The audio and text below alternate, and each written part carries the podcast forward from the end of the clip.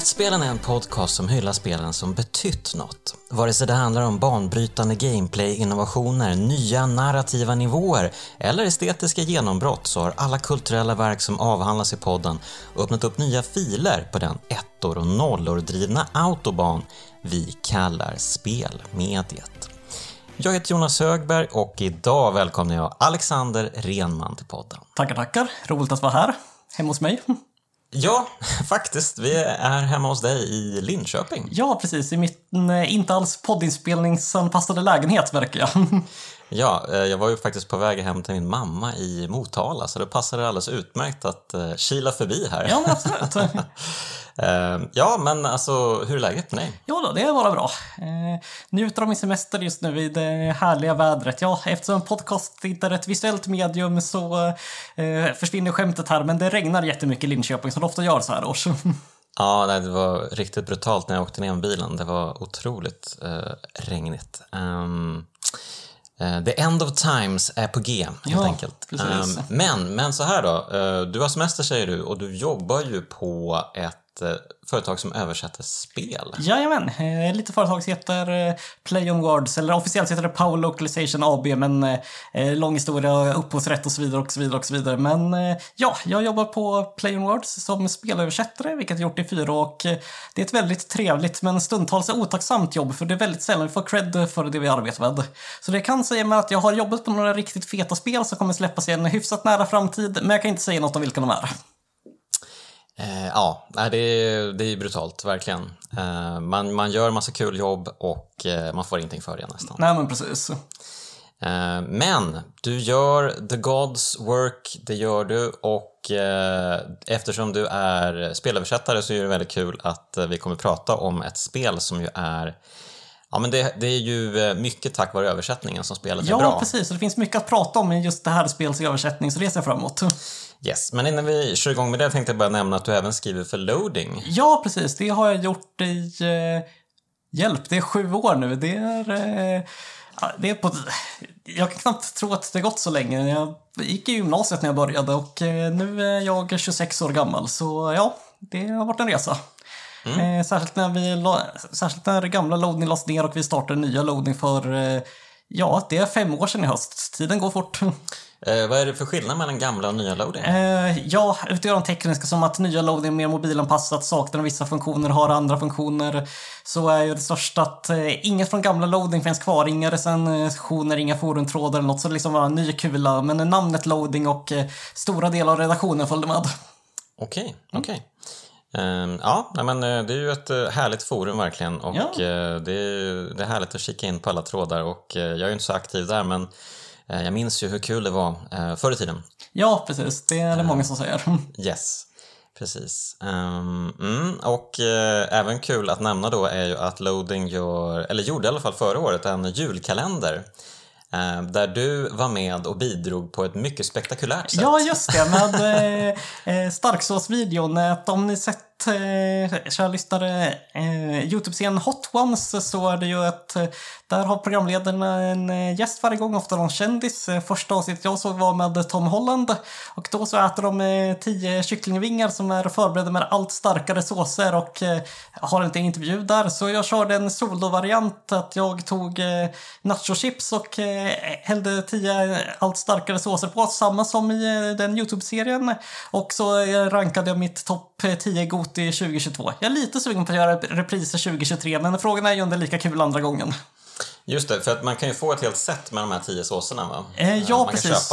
Det. kostar en slant. Det var lite dyrare än jag väntat mig, men jag tänkte att nu har jag en idé, nu vill jag köra på den.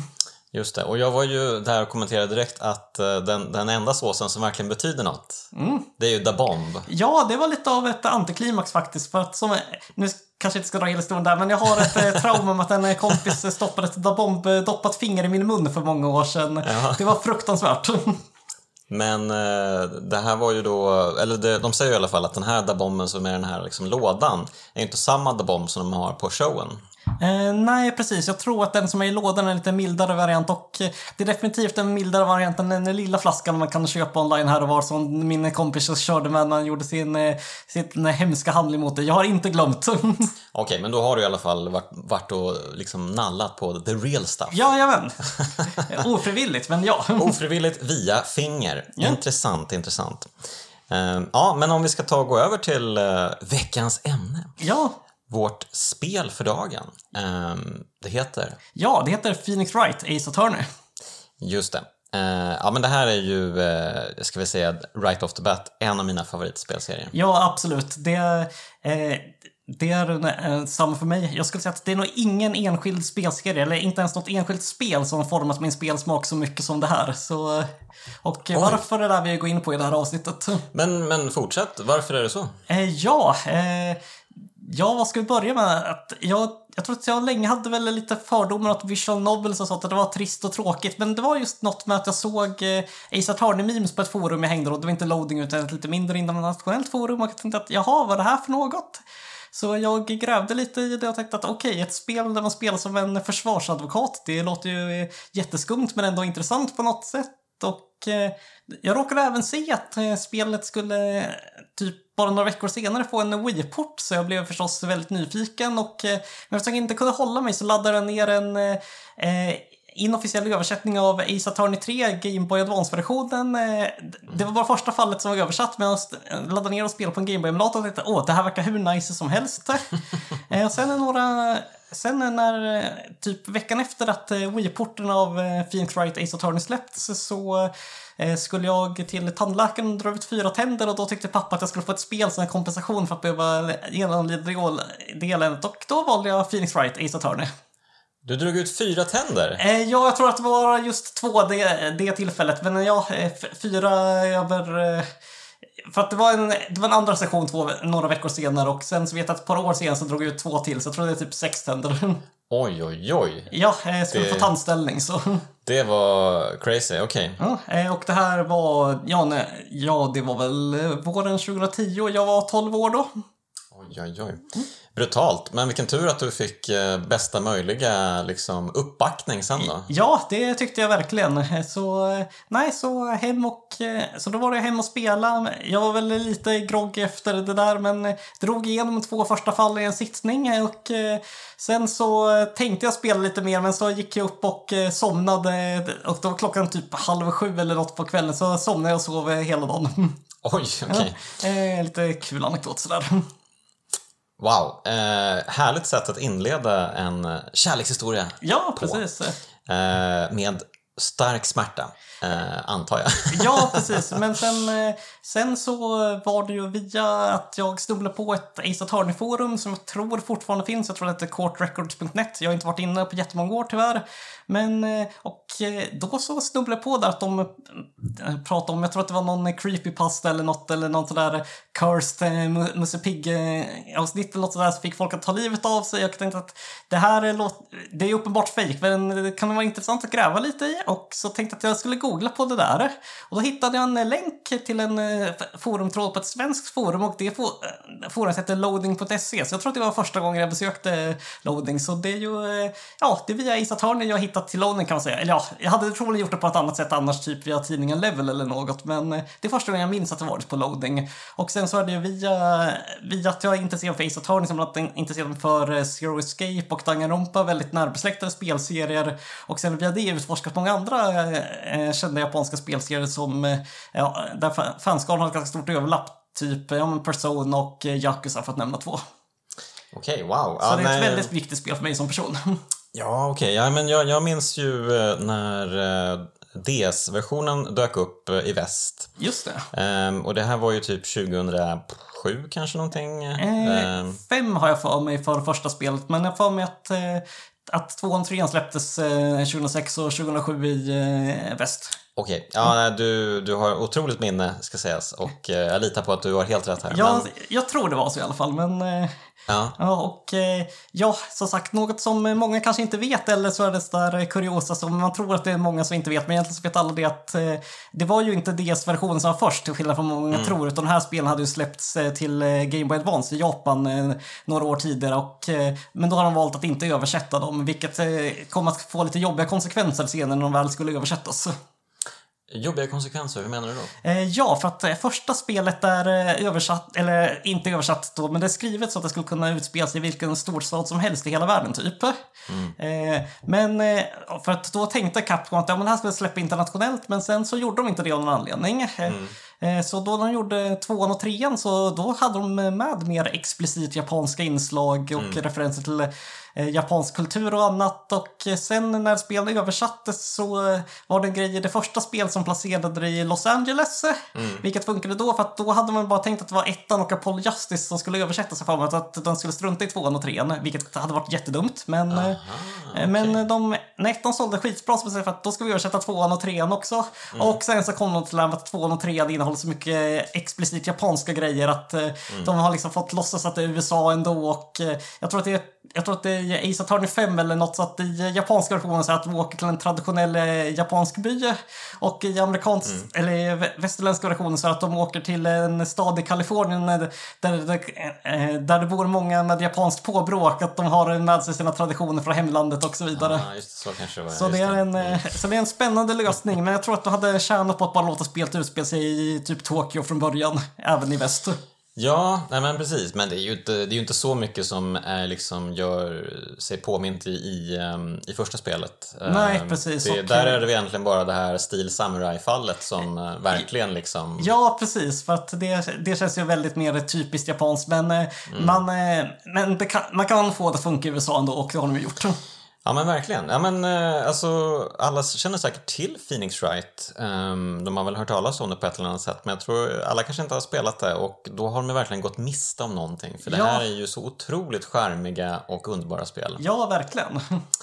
Och eh, ja, men jag minns ju när jag spelade första gången, jag blev helt hänförd och eh, sen var jag tvungen att skriva en recension i Superplay som det vore en rättegång. Oh, tyvärr kunde jag inte göra det på ett Phoenix Wright-spel så jag gjorde det istället på eh, spelet Meteos som var ett pusselspel vilket var väldigt Okej. märkligt men jag vet inte, på något sätt kanske det funkar. Men Nej, ehm, som sagt, det där har man ju...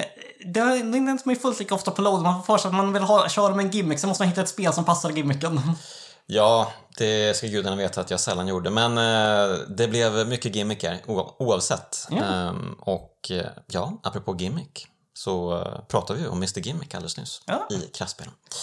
Eh, men nu ska vi prata Ace Attorney och det här första spelet har ju då översatts av ett, ja men det var ju ett gäng översättare men det var fram, framförallt en kille som heter Alexander O. Smith, Just- din, din namne. Ja, precis. Och samma yrke också, så det var ju roligt.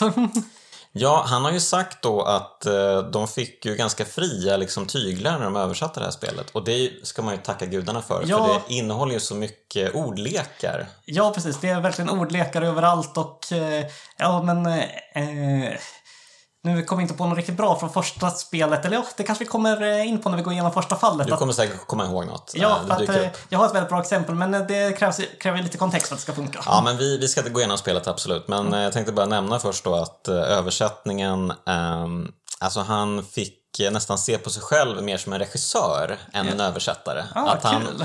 att han liksom fick, men det här är, här har vi kontexten. Eh, Det här är liksom informationen som ska komma fram och eh, sen så får jag liksom bara gå, gå bananas Ja, och ja. försöka liksom lista ut hur jag ska liksom lösa allting. För jag tror väl att han fick samma liksom antal ehm, liksom skyltar. Eh, man får ju en...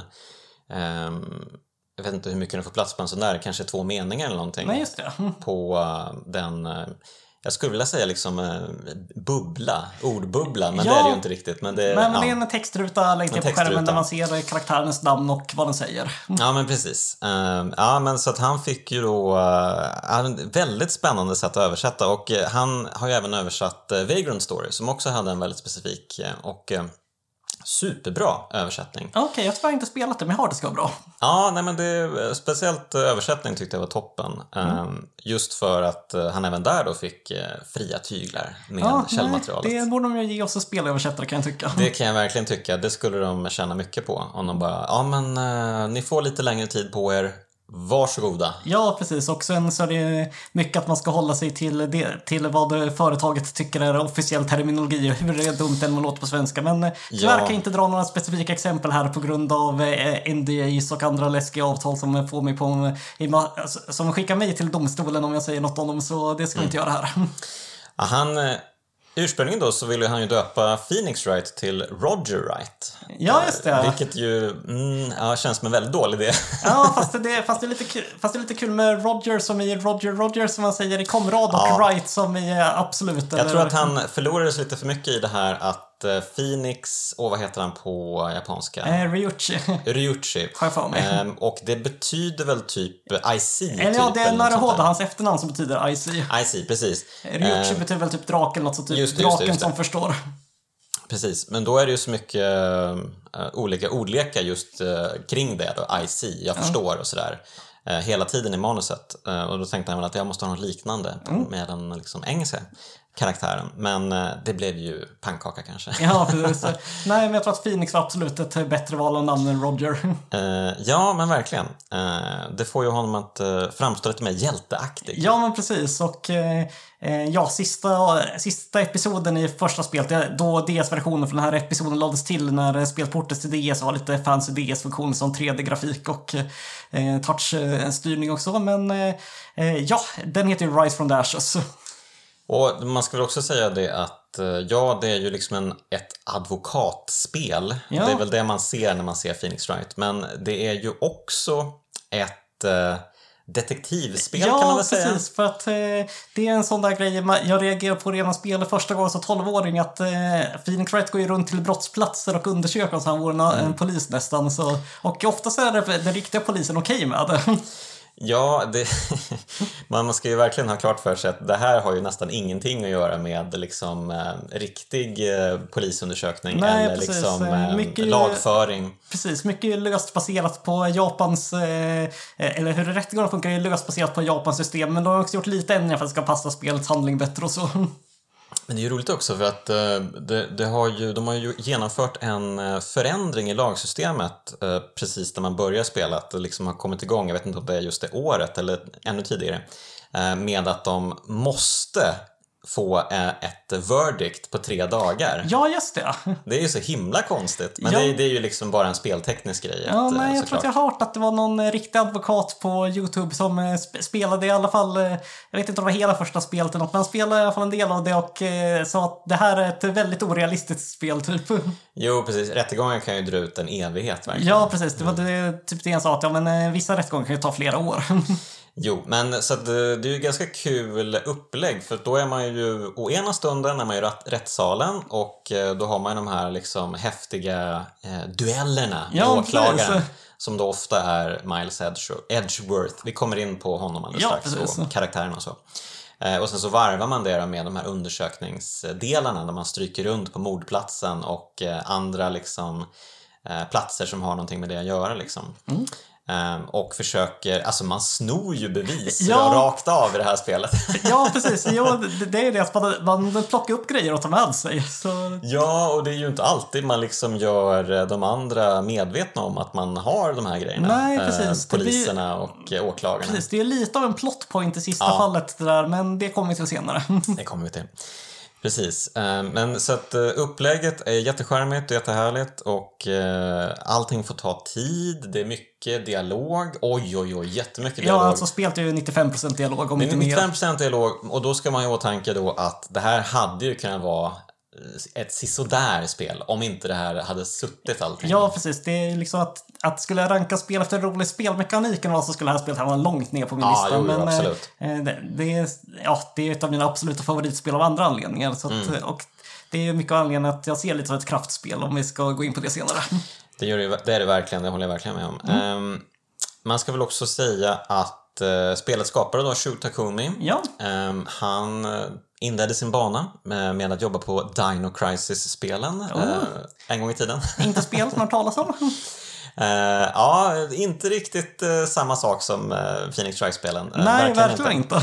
Eh, och sen efter det så fick han fria tyglar av Shinji Mikami som var någon sorts eh, typchef på Capcom på Ja, tiden. mannen bakom Resident Evil va? Mannen bakom Resident Evil och han var även med på något på något håll här i första Ace Attorney tror jag. Eh, om han är producent eller något sånt. Ja, jag, jag funderar på om det inte typ så att han spelat in något objection-röstklipp åt någon av karaktärerna eller något sånt. Mm. Jag får mig att eh, i japanska versionen av Ace Attorney 3 så är det Hideki Kamiya, mannen bakom Devil May Cry och Bayonetta och att blockera alla som skrivit honom på engelska på Twitter som eh, gör eh, objection-klippet till Godot.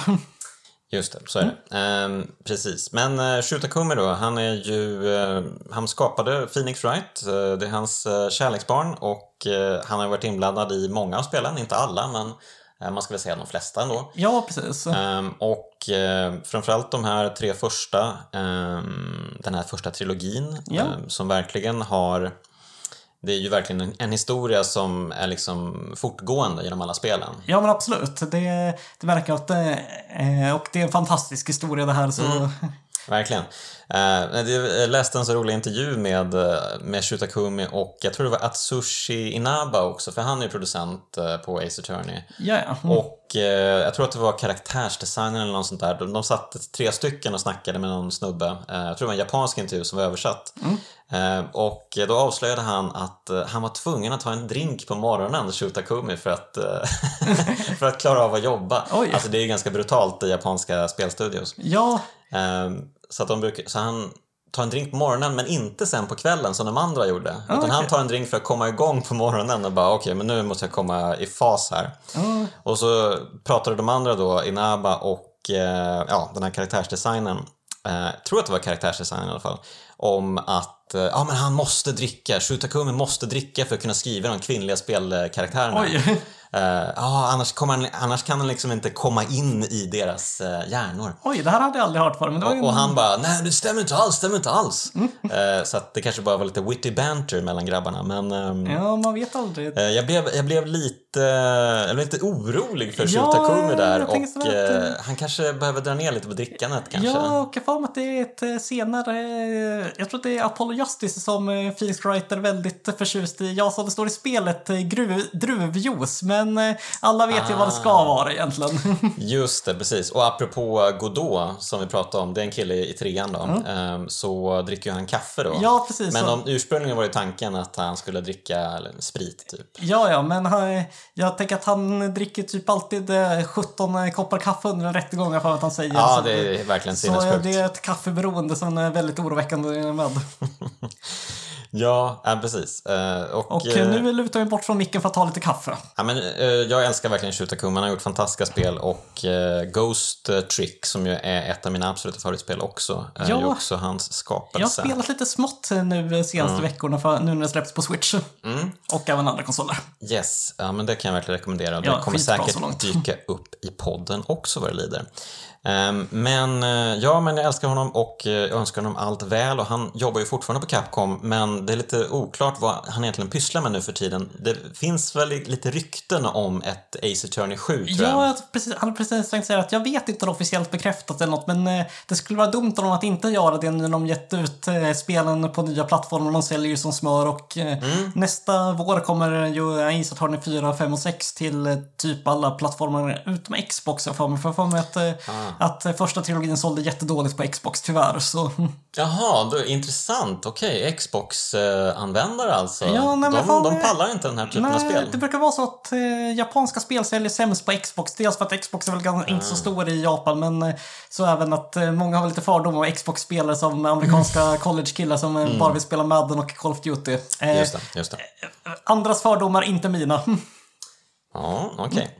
Eh, men du, vi tar och hoppar in i spelet. ja, det gör vi. Eh, det här spelet, eh, alltså man får ju lära känna då Phoenix Wright ehm, direkt, Ja, ganska omgående. Han, man får nämligen spela hans första fall. precis. Och eh, det heter The First Turnabout. Det här med turnabout är någonting som återkommer in absurdum. Ja, precis. Eh, Och det är ju för att eh, på, på eh, japanska så heter ju spelserien eh, Gyakuten Saiban, lite osäker på uttalet, men det betyder typ eh, Turnabout Courtroom. Eh, Och eh, så alla så alla fall i sp- sp- spelserien heter något med eh, Turnabout bla bla bla, eller har Turnabout i namnet i alla fall. Utom Rise from the Ashes och eh, spelen i eh, Great Days Attorney-samlingen som utspelar sig på 1800-talet.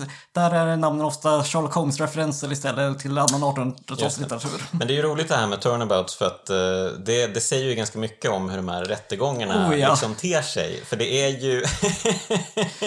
alltså det är såna vändningar hela tiden. Och eh, jag älskar ju sättet eh, jag älskar sättet hur de liksom eh, bygger upp allting. För det är ju så här whip pans mellan liksom advokat, åklagare, domare, vittne. Det är liksom kameran bara zingar som om det vore på ett snöre fram och tillbaka. Ping, ping, ping, ping, pong, pong! Precis. Eh, snabba klippningar, spännande musik. Eh, ja, och sen, sen, så när, sen som ska protestera, då vrålar de ju objection för fulla lungor och... Ja, det är underbart. Och eh, ja, ljudeffekterna är så jävla bra Ja, precis. Jag älskar ljudeffekterna. ja, nej, men som sagt, fantastisk ljuddesign i det här spelet. Musik och Ja, ljuddesign. musiken. Åh, don't get me started. Alltså, jag, jag skulle kunna sätta det här på topp 10 spelsoundtracks någonsin i alla fall.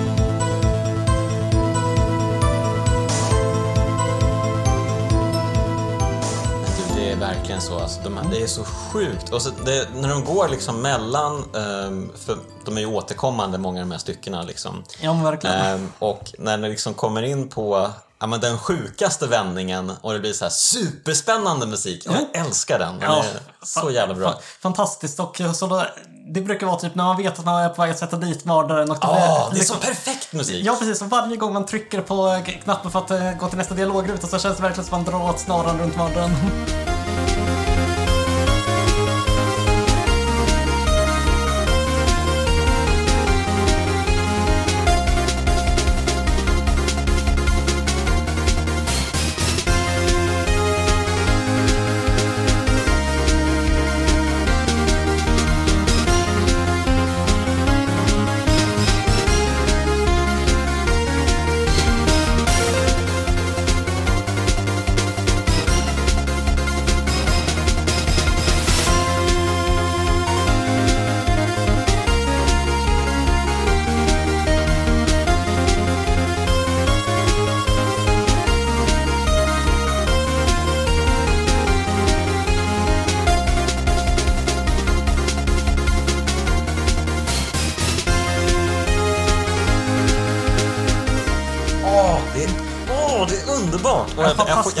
gåshud Ja, bara jag tänker verkligen. på det. Det är så jävla bra. Eh, Men i alla fall, det här första fallet då, så...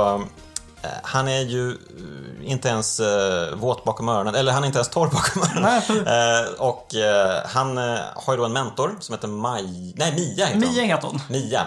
Eh, vi kommer komma in på Maja alldeles strax. Ja, Eh, precis. men eh, precis, och hon hjälper honom med det här första fallet och det involverar då hans gamla barndomskamrat Larry Butts. Ja, precis. Som då blivit åtalad för att, eller ja, misstänkt för att ha mördat sin flickvän genom att, men det har vi fått se tidigare hur det här har gått till. Det är det första man ser i spelet. Ja, men det, man blir ju lite så här, eh, oj, kommer det här, kommer Phoenix Wright alltid vara som typ Columbo? Eh, för i Columbo får man ju alltid se mordet begås i början mördaren och man får se vem det är som har begått mordet. Och man vet liksom att okej, det där är mördaren, vi har stenkoll på vem det är och nu ska liksom vi bara liksom se hur Columbo gör för att lura honom. Ja, precis. Det är liksom men det är, det är långt grejen. från alla fall så här, men det finns ett par så här sådana. Men, men precis, men i, eh, i, i det här eh, spelet så är det ju mer att man får lite ledtrådar sen om morden. Ja, men Eh, precis. Det är inte så här uttalat vem det är som har gjort det, förutom här i första. Ja. Det där är ju verkligen, man ser verkligen vem det är. Ja, precis. Men det är ju för att det ska vara så lätt som möjligt om man ska komma in i spelmekaniken. Ja, det, är, det är ju verkligen så här hjälpguidesuppdrag det här, tutorial mode. Precis, det, är- det, är ett,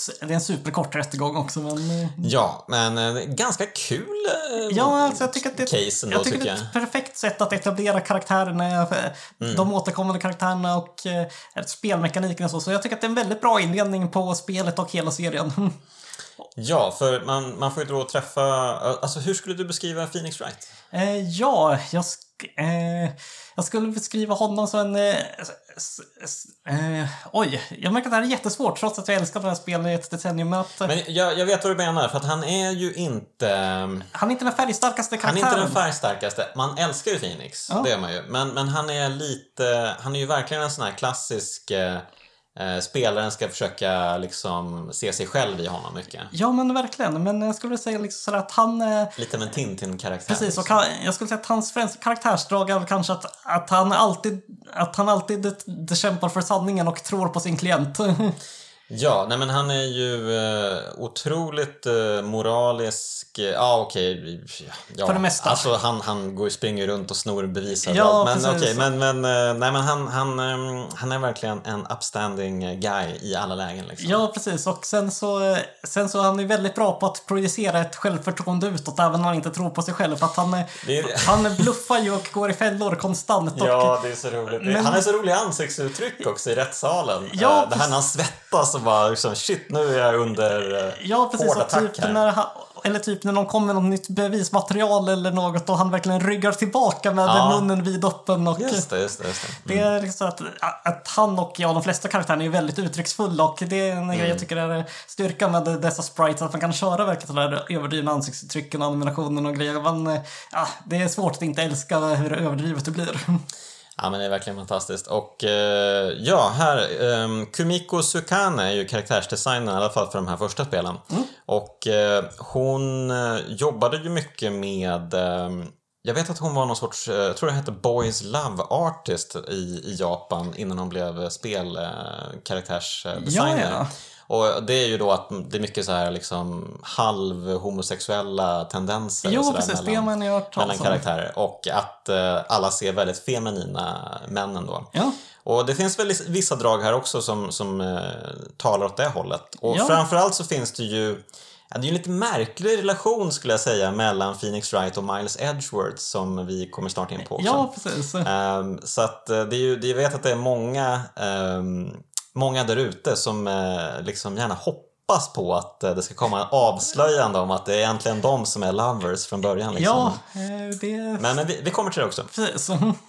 Men det här fallet då, det involverar då Larry Butt som vi pratade om, eh, Phoenix gamla kompis. Ja. Och det är alltså han som är mordmisstänkt och Phoenix ska repres- representera honom. Eh, och det är hans flickvän som blivit mördad, Precis. Cindy Stone. Precis. Och eh, man vet inte så mycket mer om det. Ja, man vet ju vem det var som begick mordet, för det Precis. såg man ju i början. Men det, var vet ju... inte Phoenix. Det vet inte Phoenix. Eh, och det är ju såklart vittnet då som kallas Precis. till eh, The Stand Precis. för att eh, sätta dit Larry. Precis. Så eh, den här killen, jag tror han heter Savit någonting, jag Eh, exakt. jag tror att det ska uttalas Soit. Soit, okej. Precis, som att det är Frank Soit, så att han såg det efter han är Ah, vittne. Och roligt, det den blir missade jag. Det blir ju en liten, eh, det blir ju en liten ordvits med det, mot det här, med det här mot slutet av fallet. Men jag tänker att vi tar det när vi kommer dit. Otroligt kul. Eh, kan inte fatta att jag missade det. Mm. Eh, mycket, mycket bra. Eh, I alla fall, han eh, begick det här mordet då med att, man kan väl säga så här att han han begav sig in där för att försöka stjäla Ja, saker. precis. Han är en inbrottstjuv som är förklädd till typ tidningsförsäljare eller något för mig. Så var det precis. Och eh, sen så dy- dyker Cindy upp för att hon kom, har precis kommit tillbaka från en resa i Europa. Ja. Hon är modell. Alla Larrys flickvänner är modeller. Ja, Eh, Larry är en väldigt speciell karaktär också. ja han, han är underbar. Eh, och eh, han dödar henne då mest av panik egentligen. Ja, Eh, precis. Eh, Han använder ju en, den här statyn av The Thinker. Ja, precis. Av Rodin tror jag han heter. Just det. Eh, Så det är liksom en staty som kanske är 30 cm hög eller något sånt där. Ja. Och det är också en klocka. Precis. Vilket blir en stor grej i eh, det här dramat som utspelar sig i rättssalen. Ja, Och det sjukaste av allt, det är ju att det är Larry som har gjort den här grejen. Ja, precis. Så, och jag tycker att det är viktigt att han är inte bara en knasboll som ställer till trubbel för sig. För att eh, eh, han och Phoenix har känt varandra som var små och Phoenix nämner ju att eh, när de gick i skolan så hade de en, eh, ett talesätt att when something smells it's usually the butts. För att han lyckas alltid eh, hamna i trubbel på olika sätt och eh, gör det även som vuxen. Men samtidigt, det här är viktigt att han har en annan sida. att han verkar ha en eh, konstnärlig, hantverksmässig sida som kan bygga en sådär avancerad klocka. För jag tänker att det är ju inte ett helt trivialt projekt. Ja, och han dyker ju upp senare i spelet också, ska, sägas, ehm, med en anordning som han, eh, ja, håller på med. eh, Som också har vissa liksom, ja, det är väl något eh, ingenjörsmässigt involverat i alla Ja, fall. Ehm, Så att eh, absolut, han är intressant. Men han är ju framförallt, eh, alltså, han är ju en så himla märklig snubbe, Larry. Ehm, han är ju fullständigt övertygad om att Eh, Cindy älskar honom, att de fortfarande är ihop. Men det går inte riktigt åklagaren med på. Nej, just det. Och eh, åklagaren Winston Payne som en återkommande karaktär i serien. Ja, han är ju alltid med i tutorialuppdragen. Ja, precis. Han eller någon av hans bröder. Det är alltid eh, släkten Payne som är med. Och i, eh, och i Great Ace Attorney-spelen så är det ju, så heter de ju Ouchie istället för att det ska vara låta lite mer japansk men även syfta på smärta då som namnet Pain, så Ouchie. Ah, Vilket- kul, kul, kul. Ja, det, det tog mig ett tag innan det klickade men... eh, nej, som sagt, han är återkommande alla spel. Han är känd lite som the rookie killer för att eh, de flesta advokater som går upp mot honom eh, för första gången förlorar sina fall. Men eh, inte Phoenix Wright. Nej, eh, precis. Han och eh, alla hans kohorter vinner ju sina första fall. Jag antar att han är också med i Apollo Justice eh, Pain. Jag är osäker på om det är han eller någon av bröderna, men ja. Ah, ja, men oklart. Men de där, den typen av åklagare i alla fall. Precis. Som är lite halvskallig och eh, lite weaselaktig. Ja, precis. Jag skulle vilja säga att han är typ det närmaste eh, Ace Attorney-serien kommer en normal advokat. Eh, eh, och då syftar inte på att han är sådär slemmig och grejer, utan mer på, att han är... Liksom, skulle man gå in i en rättssal honom där skulle man inte reagera på det. Han är liksom en väldigt eh, typisk man i eh, En generisk advokat. Ja, verkligen. Jag håller med. Det är, verkligen. Ehm, yes, men eh, det här fallet då, det slutar ju med att man eh, man måste ju försöka sätta dit uh, vittnet då. Ja. Man inser ju att ja, men det måste ju vara han som har gjort det. Eh, det ju, man kommer ju alltid så gradvis fram till saker i när man liksom, liksom eh, fiskar i de här liksom ledtrådarna som vittnet lämnar. Ja, precis. Det, och nu, nu minns jag inte exakt vad det är, men, men eh, det är väl något med att han, att han hörde att den där klockan sa att Ja, nu vet jag inte vilken sa att den var, men att eh, det stämmer inte för det var flera timmar fel mot vad obduktionsrapporten visade så då kan man slänga fram det där och eh, då såklart är alltid vittne och åklagare fram, är framme med en bortförklaring men det är inte alltid det funkar. Ja, precis. Det, man, man tror alltid att "Nu- har jag kommit på något riktigt bra, men sen så blir det alltid en eh, vändning igen så kommer liksom åklagarsidan med sin grej bara ja, men tänkte du på det här då? Ja. Aj, aj, aj, det gjorde jag inte. Precis. Det, det, det, såg jag, det blev en meme för några år sedan eh, med en eh, dansande Edgeworth också stod det för att when you update autopsy report för att det är en återkommande grej att ob obduktionsrapporten Ja, uppdateras så att ens teori inte stämmer. Mycket kul. Ehm, ja, men det går i alla fall ut på att eh, det här med klockan är viktigt då, som du var inne på. Ehm, för eh, mordet, man, man vet ju när mordet begicks. Eh, man vet också att det varit ett strömavbrott i den här eh, byggnaden. Ehm, och att det kanske kan förklara att klockan går efter. Men det är ju på slutet då som Phoenix inser att klockan inte går efter, den går ju före. ja, precis. För att det, och det är det här som placerar spelet i västra USA och eh, när herr Alexander O. Smith eh, översatte för att det var lite så att han funderade på att det ska, det ska vara att tidszonerna inte matchar för att Cindy har varit i Paris med klockan och ställt den därefter.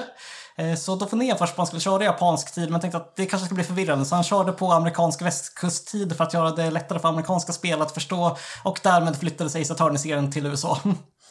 Ja, men eh, ja, men som sagt, jag tycker att det funkar. Ja, Ehm, precis. och eh, han... eh, ja, men det, här, det här är ju verkligen liksom första gången som man märker att ja, men det här var ju briljant på riktigt. Ja. Alltså hela den här tidszon-grejen. Precis, och liksom så att det är briljant men ändå enkelt nog ska kunna komma fram till det utan att börja tänka på Och det är väl det jag gillar med det här spelet. Visst, det är kluriga mordmysterier och så, men att det finns ju alltid den här tråden som är hyfsat lätt att hitta och dra i som långsamt avslöjar hela historien. Ja, nej men ett eh, jättekul inledningsfall och det går ju ganska snabbt över. Men, Ja, men sen och, då eh, har man ju fått eh, lite feeling för Phoenix Wright. Ja, precis. Och jag tänker att just där när man presenterar det avgörande beviset som sätter fast Frank Zoit, mördaren, så säger ju eh, så, så säger Phoenix Wright typ att, att Well, how about, about that Mr. Zoit? Or should I say, Mr. Did it? Ja, det lustiga är ju att det där inte bara är liksom en enskild grej utan det är nästan i var och varannan mening som de håller på med sådana Ja, grejer. precis. Det är väldigt mycket ordvits och så. Jag får att just första spelet är väl mycket bättre på att anspela på eh, folks ordvitsar namn. För det, är, för det är väldigt återkommande med att mm. karaktärer heter någon eh, form av ordvits. Mm. Ja, men det måste ju vara från spelets ursprung i Japan, ja. Mm. Att det var så mycket där. Ehm, ja, men då går vi vidare till nästa fall som är Turnabout Sisters och här blir det allvarligt direkt. Ja. För vem går och blir dödad i inledningen av avsnittet? Ja, precis. Det är ingen mindre än eh, Phoenix mentor Mia som eh, blir ihjälslagen i början av avsnittet. Med klockan som var mordvapnet i första fallet. Ja, The Thinker är tillbaka och dödar igen. Precis, jag tror att Phoenix säger något om det under fallet att, att nu har den här klockan dödat så många att den räknas som en seriemördare i sig själv eller något sånt. Vilket är både en väldigt kul replik och en väldigt hemsk replik. Men som sagt, det här var en ganska oväntad twist för mig när jag, när jag spelade spelet för att för att ja, man, man hade väl inte riktigt väntat sig att mentorn skulle dö direkt i början av spelet. Kanske att det skulle ske senare för att, liksom att det kanske skulle vara upptakten till finalen eller något, att hon blir dödad och att eh, Phoenix då måste ta steget och bli sin egen advokat och så. Men nej, det gör de direkt i början. Och jag tror att, tycker mig ha hört att, att i någon tidig version av spelet eh, så skulle spelet börja med att eh, Phoenix mentor, jag vet inte om det var Mia då eller det en annan karaktär, blev mördad och så skulle han bli gripen för det och behöva försvara sig själv. Man tyckte att eh, nej, det kan vara bättre att ha honom för att etablera hans, den här mentorn och hans relation till den först och liksom eh, vända in. Och det tror jag var ett väldigt bra val. Jo, men absolut. Jag vet ju att det här inledningsuppdraget som vi alldeles nyss pratade om, det var ju det sista Shutakumi skrev. Ja, okej. Ehm, Så att han hade ju skrivit alla, ja, förutom femman då, som, Ja, precis, som ju det- skrevs sen för DS-versionen. Men Precis, flera år sedan har jag skrivit i två den, spel till I också. den ursprungliga Game Boy Advance-versionen så var det ju bara fyra fall då. Ja, precis. Och eh, det var nog klokt att skriva inledningen sist för att då vet man hur man ska få allt på plats. Ja, och det var ju även så Shigeru Miyamoto jobbade med Super Mario Bros. Han Ja. gjorde ju eh, första banan sist. Ja, precis. Men det har jag hört ska, ska vara bra i spel eller vad i spelutveckling överlag. Att man gör första Mm. banan sist för att då kan man liksom, då vet man liksom att nu har vi det här spelet, hur kan vi etablera det på ett så bra sätt som möjligt? Ja men precis, då har man ju alla spelmekaniker, man har ju liksom redan sett vad man kan göra med det på ett avancerat sätt och sen så kan man ju bara skala ner lite för att komma till kärnan snabbt och sådär. Liksom. Ja, men precis. Och det viktigaste är att ha en bra inledning så att folk eh, fastnar.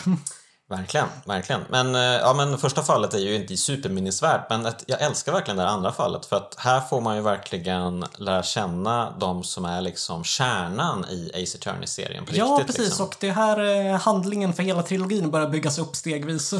Precis, så Phoenix, han kommer ju då till kontoret eh, på kvällskvisten kring nio-tiden Ja. och eh, hittar Ja, han hittar ju Mia liggandes död på golvet och så, så är det en eh, tjej som står böjd över henne och gråter. Ja, det är hennes syster. ja, precis. Maja. Maja, som vi pratade om tidigare, precis. Ehm, och ja, hon blir ju då mordmisstänkt för Ja. att det finns ett vittne på andra sidan gatan i ett hotell som har sett det här mordet Ja, begås. precis. Och sen så ligger ett, ett eh, kvitto bredvid Mia så står Maja skrivet på i blod. Så, så när eh, polisen dyker upp i form av eh, detektiven, eller ja, detektiv heter det inte på svenska, men kriminalkommissarie, jag vet ex- Ja, är han kommissarie? Det är osäkert. Ja, men- han är väl någon sorts undersökande polis Ja, i alla fall. Eh, I alla fall polisutredaren Dick Gumshoe som är eh, återkommande dyker upp och han haffar ju Maja direkt när han ser de här bevisen och, och jag vet inte om man har hört vittnesmål från hotellet vid det här läget men eh, Nej, det har man nog inte. Jag tror inte man vet så mycket i början här. Men eh, han eh, blir ju... Phoenix blir givetvis eh, jättenedstämd. Hans mentor och och eh, säkert en person som betytt jättemycket för honom. Mm. Eh, död och eh, samtidigt så är hans sys- hennes syster mordmisstänkt så att eh, det är ju, för honom är det ju en självklarhet. Eh, Han måste ju liksom representera henne. Ja. Eh, Men, men hon vill ju inte att han ska Nej, representera precis. För henne. när han kommer till häktet där och pratar med henne så vill hon inte det så hon ger honom kontaktuppgifter till den veteranadvokaten Marvin Grossberg. Mm. Och, men, när, men när Phoenix Wright går till hans kontor så vill eh, Grossberg inte ta fallet av någon anledning och eh, det verkar så att det är lite så, så något som är besvärligt med det där så han återvänder ju till, så då återvänder Phoenix till Maja för att prata mer om det. Just det, så förr eller senare då så eh, får han i alla fall uppdraget att försvara henne eftersom eh, ingen vill ta sig an det här fallet. Nej, precis. Ingen advokat alltså. Det, och det verkar, det verkar vara ett väldigt känsligt ämne för många. Av Ja, någon anledning. Precis. Ehm, mm, det är något ruttet i staten Danmark här, helt klart. Precis. Ehm, och ja, som du var inne på, Dick Gumshoe eh, älskar honom. Ja, fantastisk karaktär. Liksom så att han, är, han verkar ju vara en, en ganska bra polis ändå. Att visst, eh, Ja, alltså han, han framstår ju lite som eh, lite en... Eh, att han fumlar lite sådär, att han är lite brysk och eh, sådär.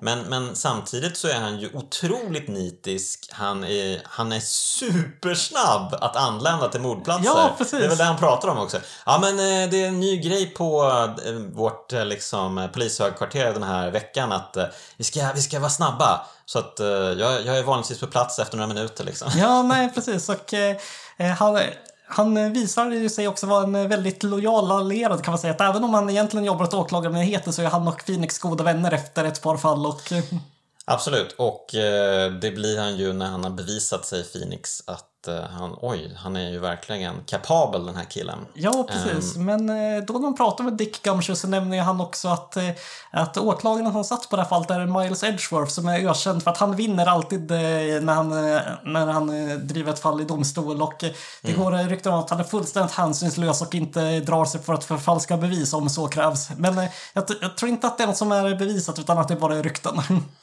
Precis, precis. Och eh, Phoenix Wright reagerar ju direkt. Miles Edgeworth, säger du. Hmm, Ja, precis. intressant. Eh, Det finns en kul grej här att, eh, eh, som jag märker att man spelar om spelet, att då att när eh, Gumshoe frågar att vet du vem Miles Edgeworth är? Och då får man ju svaren, eh, svarsalternativet klart jag vet och nej, ingen aning.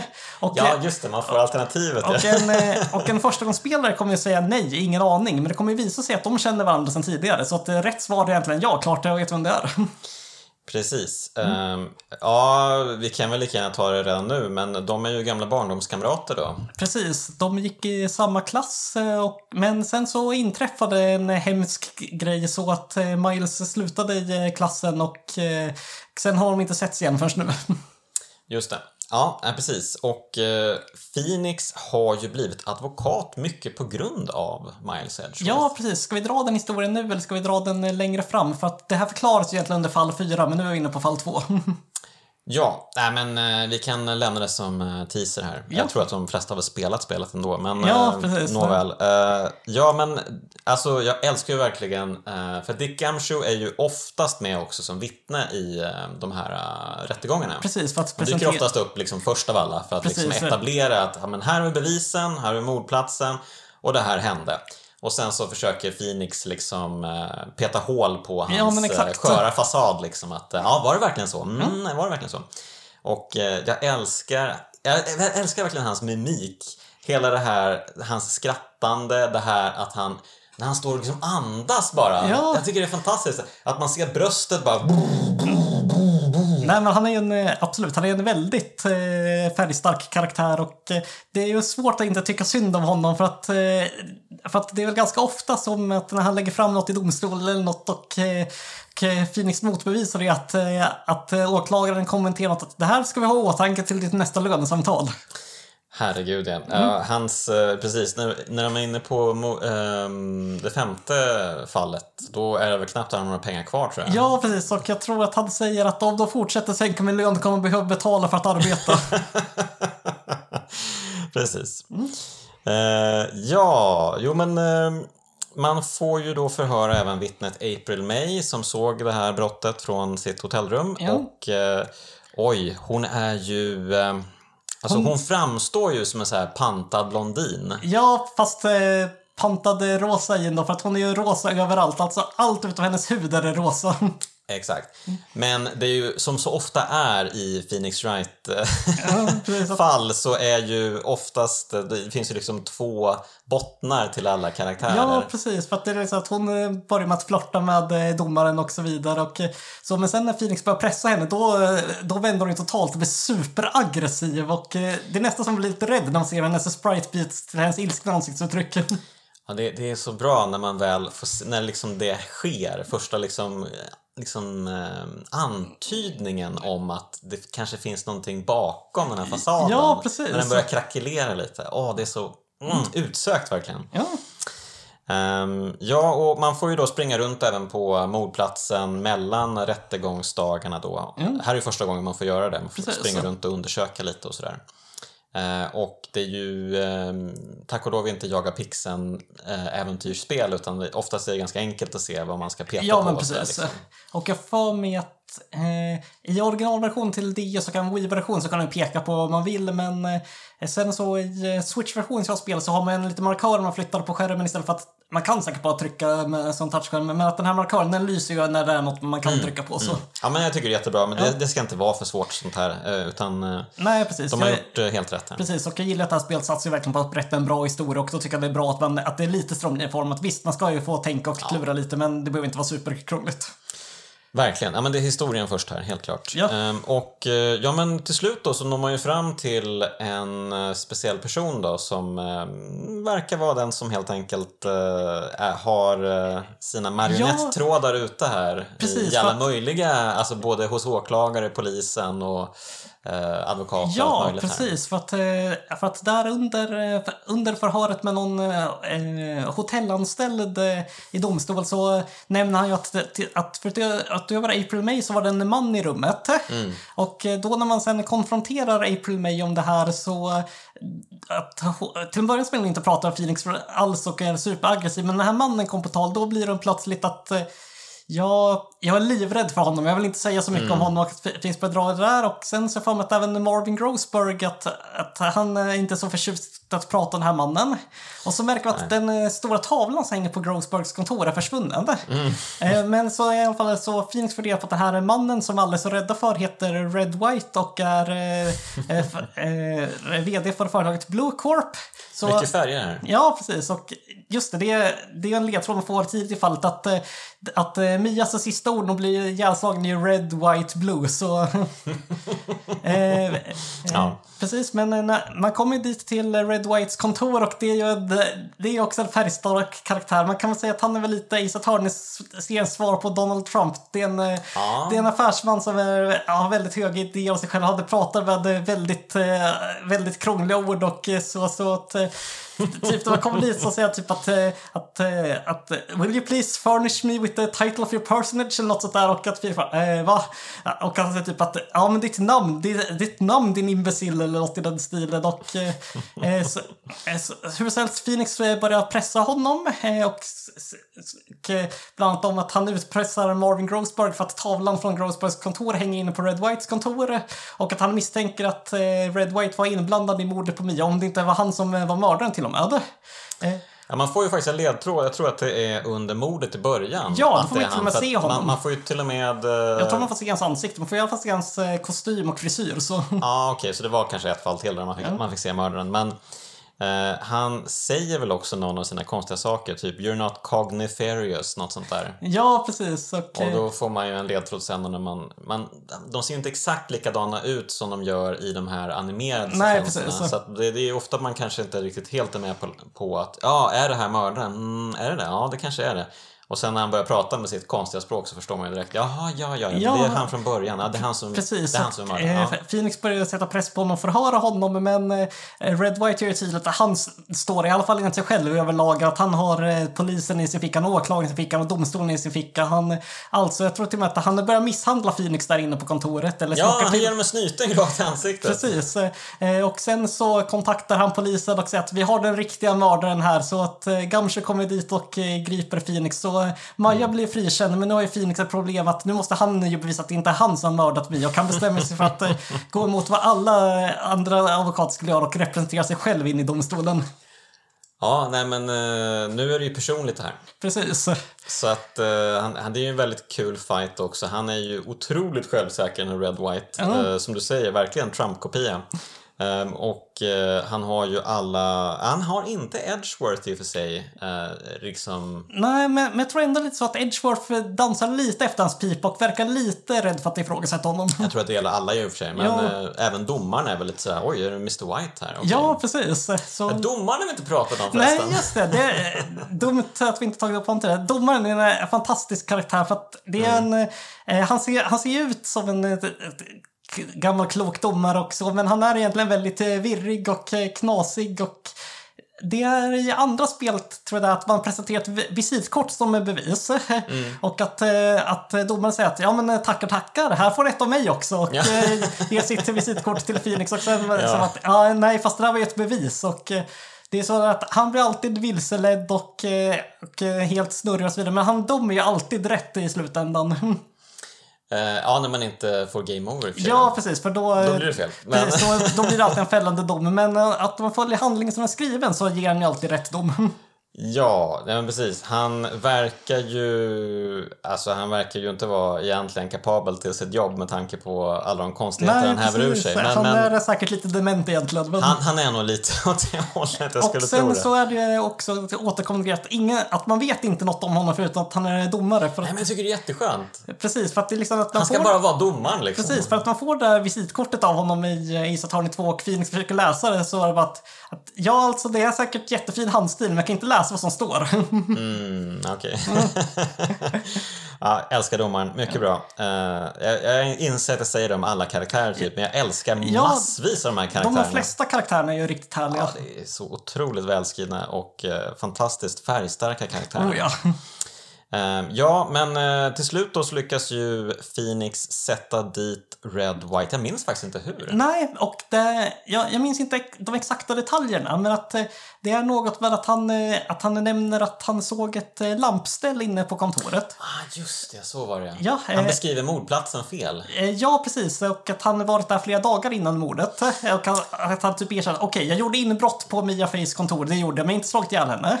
Just det, just Men, det. och här kommer det första övernaturliga inslaget i Ace Attorney-serien in. Det är chockfullt med de senare, smockfullt som heter på svenska, inte onödigt. Eh, Men ja, eh, hur så helst så eh, någonstans där inne i rättssalen så börjar Phoenix få panik att nej, jag vet inte vad jag ska göra. Jag är helt fast, nu kommer jag bli dömd. Mm. Och då ser han att Mia dyker upp framför honom. Just det, då har vi inte kanske nämnt att Maja är ju med honom hela tiden Ja, i precis. rättssalen. Hon är ju hans assistent kan man säga. Precis, men plötsligt står Mia där i Majas kläder och då Eh, eh, nu tror jag att jag förenklar lite, för jag tror att det är lite mer sen egentligen, men hur som helst, plötsligt står de och pratar med eh, Mia i Majas kläder som de förklarar att ja, men eh, Maja, att hela klanen Fejat, i alla fall kvinnorna har ju andliga krafter så att de kan kanalisera döda in i sina kroppar. Och att då att Mia återvänt från döda för att eh, hjälpa Phoenix. Eh, Eh, och jag vet att första gången spelade så var jag lite skeptisk till det här. För jag tänkte okej, här har man ett spännande mordhistoria så slänger de in spöken och grejer eh, i andra fallet. Okej, vad är det här för spel egentligen? Eh, men att hon, Ja. att hon, att hon berättade sig typ att ja, men du har redan all ammunition du behöver för att sätta dit honom också. Så hon att, ja, men han sa att han såg ett lampställ inne på mitt kontor flera dagar innan eh, mordet och att ja, men jag köpte det dagen innan jag blev mördad. Vänd på kvittot som han skrev Maja på med mitt blod så ser du inköpstillfället och sen ska du läsa upp den här listan också. För att, eh, eh, för att man har på något tillfälle fått en lista på personer och där där, där, då bevisat att eh, enda sättet för Red White att se lampstället var om man var i kontoret på morddagen. Ja, just det, så var det. Ja. Just det, så var det. Och sen, sen Det, så... det, är väldigt invecklat allt det här. Precis, det, det, Man, man kommer, det, det, det är ju det är väldigt svårt att förstå nu när man pratar om det så här men man har ju liksom långsamt tagit sig fram till det här och liksom betat sig in i allt bevis och eh, man har ju harvat den här mordscenen och händelserna från så många olika synpunkter och håll att man till slut eh, inser ju då att eh, ja, men det här stämmer ju inte alls. Han, Nej. han ljuger ju helt uppenbart om vissa saker. Nej, precis. Men sen så, eh, sen så hur som helst så, så börjar Phoenix läsa en lista på namn eh, för honom och eh, det är ju då namn som eh, den här Red White utpressat så att de tagit livet av sig och till sist för att få, så ser han så samvete och han erkänner. Vilken tur. Ja. Eh, ibland är man ju lite så här, oj, men vad hade hänt om man inte erkänt? Nej, precis. Det kan man, det kan man Så att, eh, ibland, ibland tar de ju lite så här enkla utvägar kanske i vissa Mm. fall kan jag tycka. Men, eh, men eh, överlag så är det ju eh, ständigt eh, liksom spännande. Eh, Ja, det är ju det är ju en precis. sån jävla cirkus i rättssalen alltså. Ja, precis. Och eh, nu är det tur att vi fokuserar på första spelet för att cirkusfallet i tvåan skulle kunna ranta ilsket om i en evighet. Så Ja, ska vi inte göra det. Men, men eh, cirkusen i rättssalen i alla fall, den är fantastisk. Och eh, här är då första gången som Phoenix ställs mot Edgeworth som ju blir hans kombatant genom hela serien. Ja, precis. Också hans vän såklart, men oftast kombatant. Ja, precis. För att först så verkar det ju som att de har en väldigt fientlig relation. Men sen så efter rättegångarna för att eh, Edgeworth kommer fram och eh, pratar med Phoenix och säger typ att, eh, att jag vill aldrig se dig igen eller något sånt där. Att, lite, att, lite så att, eh, att om inte det vore för dig så hade saker varit mycket enklare. Eller jag vet inte exakt hur han formulerade Precis, men precis. det är Det- uppenbart att han tycker det är jobbigt att Phoenix blivit advokat. Precis, och eh, det finns ju då vissa som, som tyder in fler saker i det här. Att, Ja. eh, varför kommer du? Och du gör så, väcker så mycket känslor i mig. Det här känns inte alls ja, bra. precis. Eh, Och eh, ja, mm, det är intressant, absolut. Ehm, men ja, jag tycker vi går över till fall tre. Ja. För nu fördjupar vi relationen ytterligare lite med ett, eh, man kan väl säga att det här är liksom hela spelets stora humoristiska fall. Ja, precis. Och det brukar alltid vara så att det finns det där fallet som inte har så mycket med huvudhandlingen att göra. Men Mm. eh, eh, ja, eh, då så det inleds ju på ett väldigt roligt sätt. för att eh, då är det en eh, samuraj och någon form av jag vet inte riktigt vad jag ska beskriva den andra, men eh, någon form av eh, upp, Cyberkrigare? Precis, någon form av uppenbart ond cyberkrigare som eh, slåss eh, och tänker så att okej, ska det vara ett... eh, Är det här som är inledningen på mordfallet? För tidigare har det alltid varit att det börjar man får se mordet begås. Men det är liksom sån här riktig anime-fight mellan eh, de här två tjommarna.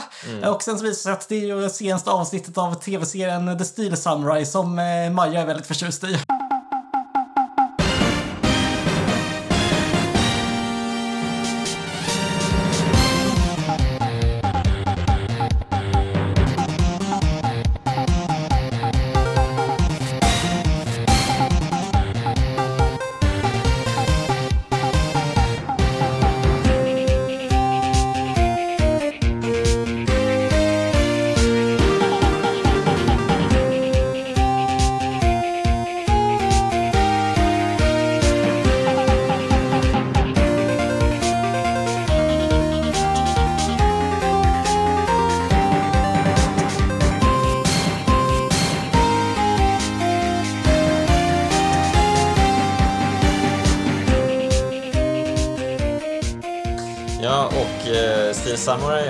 återkommer på olika sätt också i, eh, i spelserien. Ja, Eh, precis. Det blir ju en liten franchise i franchisen kan man säga. För blir det, franchise blir massor av, franchise. det blir massor av spin-offs och, eh, ja, och så vidare. Men ja, Ja, men i alla fall det, det, i um, Steel Samurai då så uh, kämpar uh, huvudkaraktären Steel Samurai mot The Evil Magistrate. just det. älskar att han heter The Evil Magistrate. Ja, Eh, precis. det är ett sånt typiskt tv-spelsord just Magistrate. Ja, precis. Frågan om man valt sitt skurknamn själv. Ja, men det är verkligen klassisk liksom um, eh, manga-aktigt och så. ja, precis. Eh, Ehm, och, eh, men då, in, då växlar hon kanal på TVn då, eh, Maja, för de är ju på kontoret och hon tittar på TV. Eh, och så inser hon, va? Steel Samurai är mordmisstänkt Ja. för att ha dödat The Evil Magistrate! Ja, precis. Och Phoenix är ju jätteförvirrad för att, ja, just det, och det här eh, har man säkert kunnat läsa mellan raderna, att eh, han fick ju ta över kontoret efter att Mia dog och har då tagit eh, sig an Maja som partner. Eh, partner i det professionella b- betydelse av ordet, men jag tror att många tolkar in lite mer i det. Ja, ja, men jag tycker nog att de oftast känns liksom, det här känns som en sån klassisk eh, eh, kompisrelation Ja, och jag tror att det är bäst att tänka på det så, för att jag får mig att eh, Phoenix är 24 i spelet, vilket är otroligt att den är så ung. Ja, är han så ung? Ja, precis. Ja, men, och då ska man ju åtanke att Miles Edgeworth blev eh, åklagare när han var 20 typ. Ja, precis. eh, precis. Eh, Men jag får att de säger något i det att eh, i ett senare spel så visar Edgeworths första fall att, eh, att ingen så ung har någonsin varit åklagare för. Så, Mm. Eh, men jag tror att Phoenix Wright är typ 24 eller något och att eh, Maja är typ 16 eller något. Så skulle det vara en romantisk relation. Det har varit lite creepy.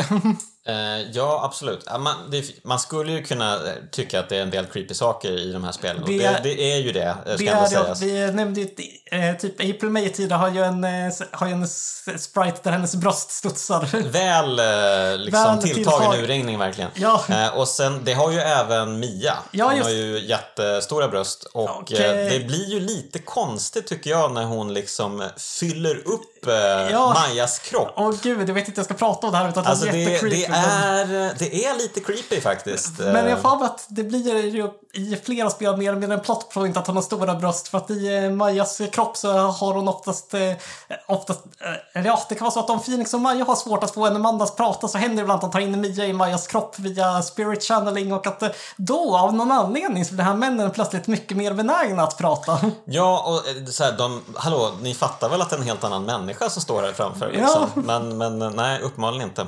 Men så att eh, det är lite creepy. Och det är också så här, det, det är så här tydlig så här hora Madonna-grej att en och samma karaktär är båda sakerna Ja just det, det tänkte jag inte på men nu när du säger det så.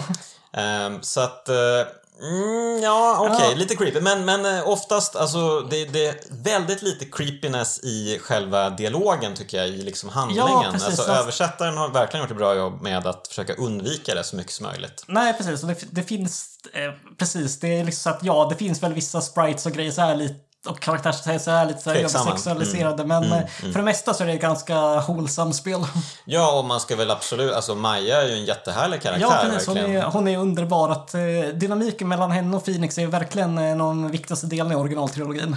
Ja, och den, den känns verkligen platonisk. Det, Ja. det känns inte som att det finns något eh, konstigt som pågår. Nej, liksom. precis. Eh, Nej, men... Det är mer att han är någon sorts eh, brorsgestalt till Ja, henne. men eh, liksom. lite så faktiskt. Eh, Men de, eh, eh, ja, de bestämde sig för att ja, men då kanske vi ska gå och prata med Steel Samurai då för att Phoenix Wright har inte haft några fler klienter sen Mias mord. För att, och han nämnde att alla pratade om Mias mord och jag fick mig själv frikänd men det var ingen som kom till mig och ville anställa mig.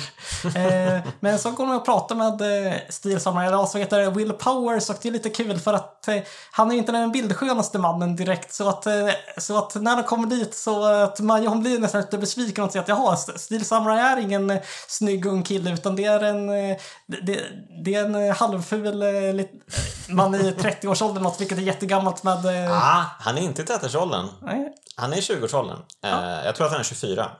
Oj, eh, men han ser ju ut som eh, ett lejon som människa typ. Ja, precis. Ja, det är en bra beskrivning. Han, han har en stor man av hår, stor muskulös och grejer, så man tänker verkligen på ett lejon när man ser honom. Eh, så att ja, han kanske inte är traditionellt eh, snygg, men jag skulle inte säga att han är ful. Jag tycker han, han är ganska... som sagt, och det är väl inte riktigt vad jag tycker heller, men eh, i, i dialogen så beskrivs han ju ofta som ful och att han, Ja, och att han, tyck, och han tycker om att ta på sig masken för att då- behöver barnen inte se hur han ser ut, utan de kan tänka att han är eh, jättesnygg där under och eh, så vidare. Men eh, hur som helst, att, och, när Maja får se honom så tror jag att nej, det var definitivt han som var mardern. Eh, Släng in honom på livstid och släng bort nyckeln.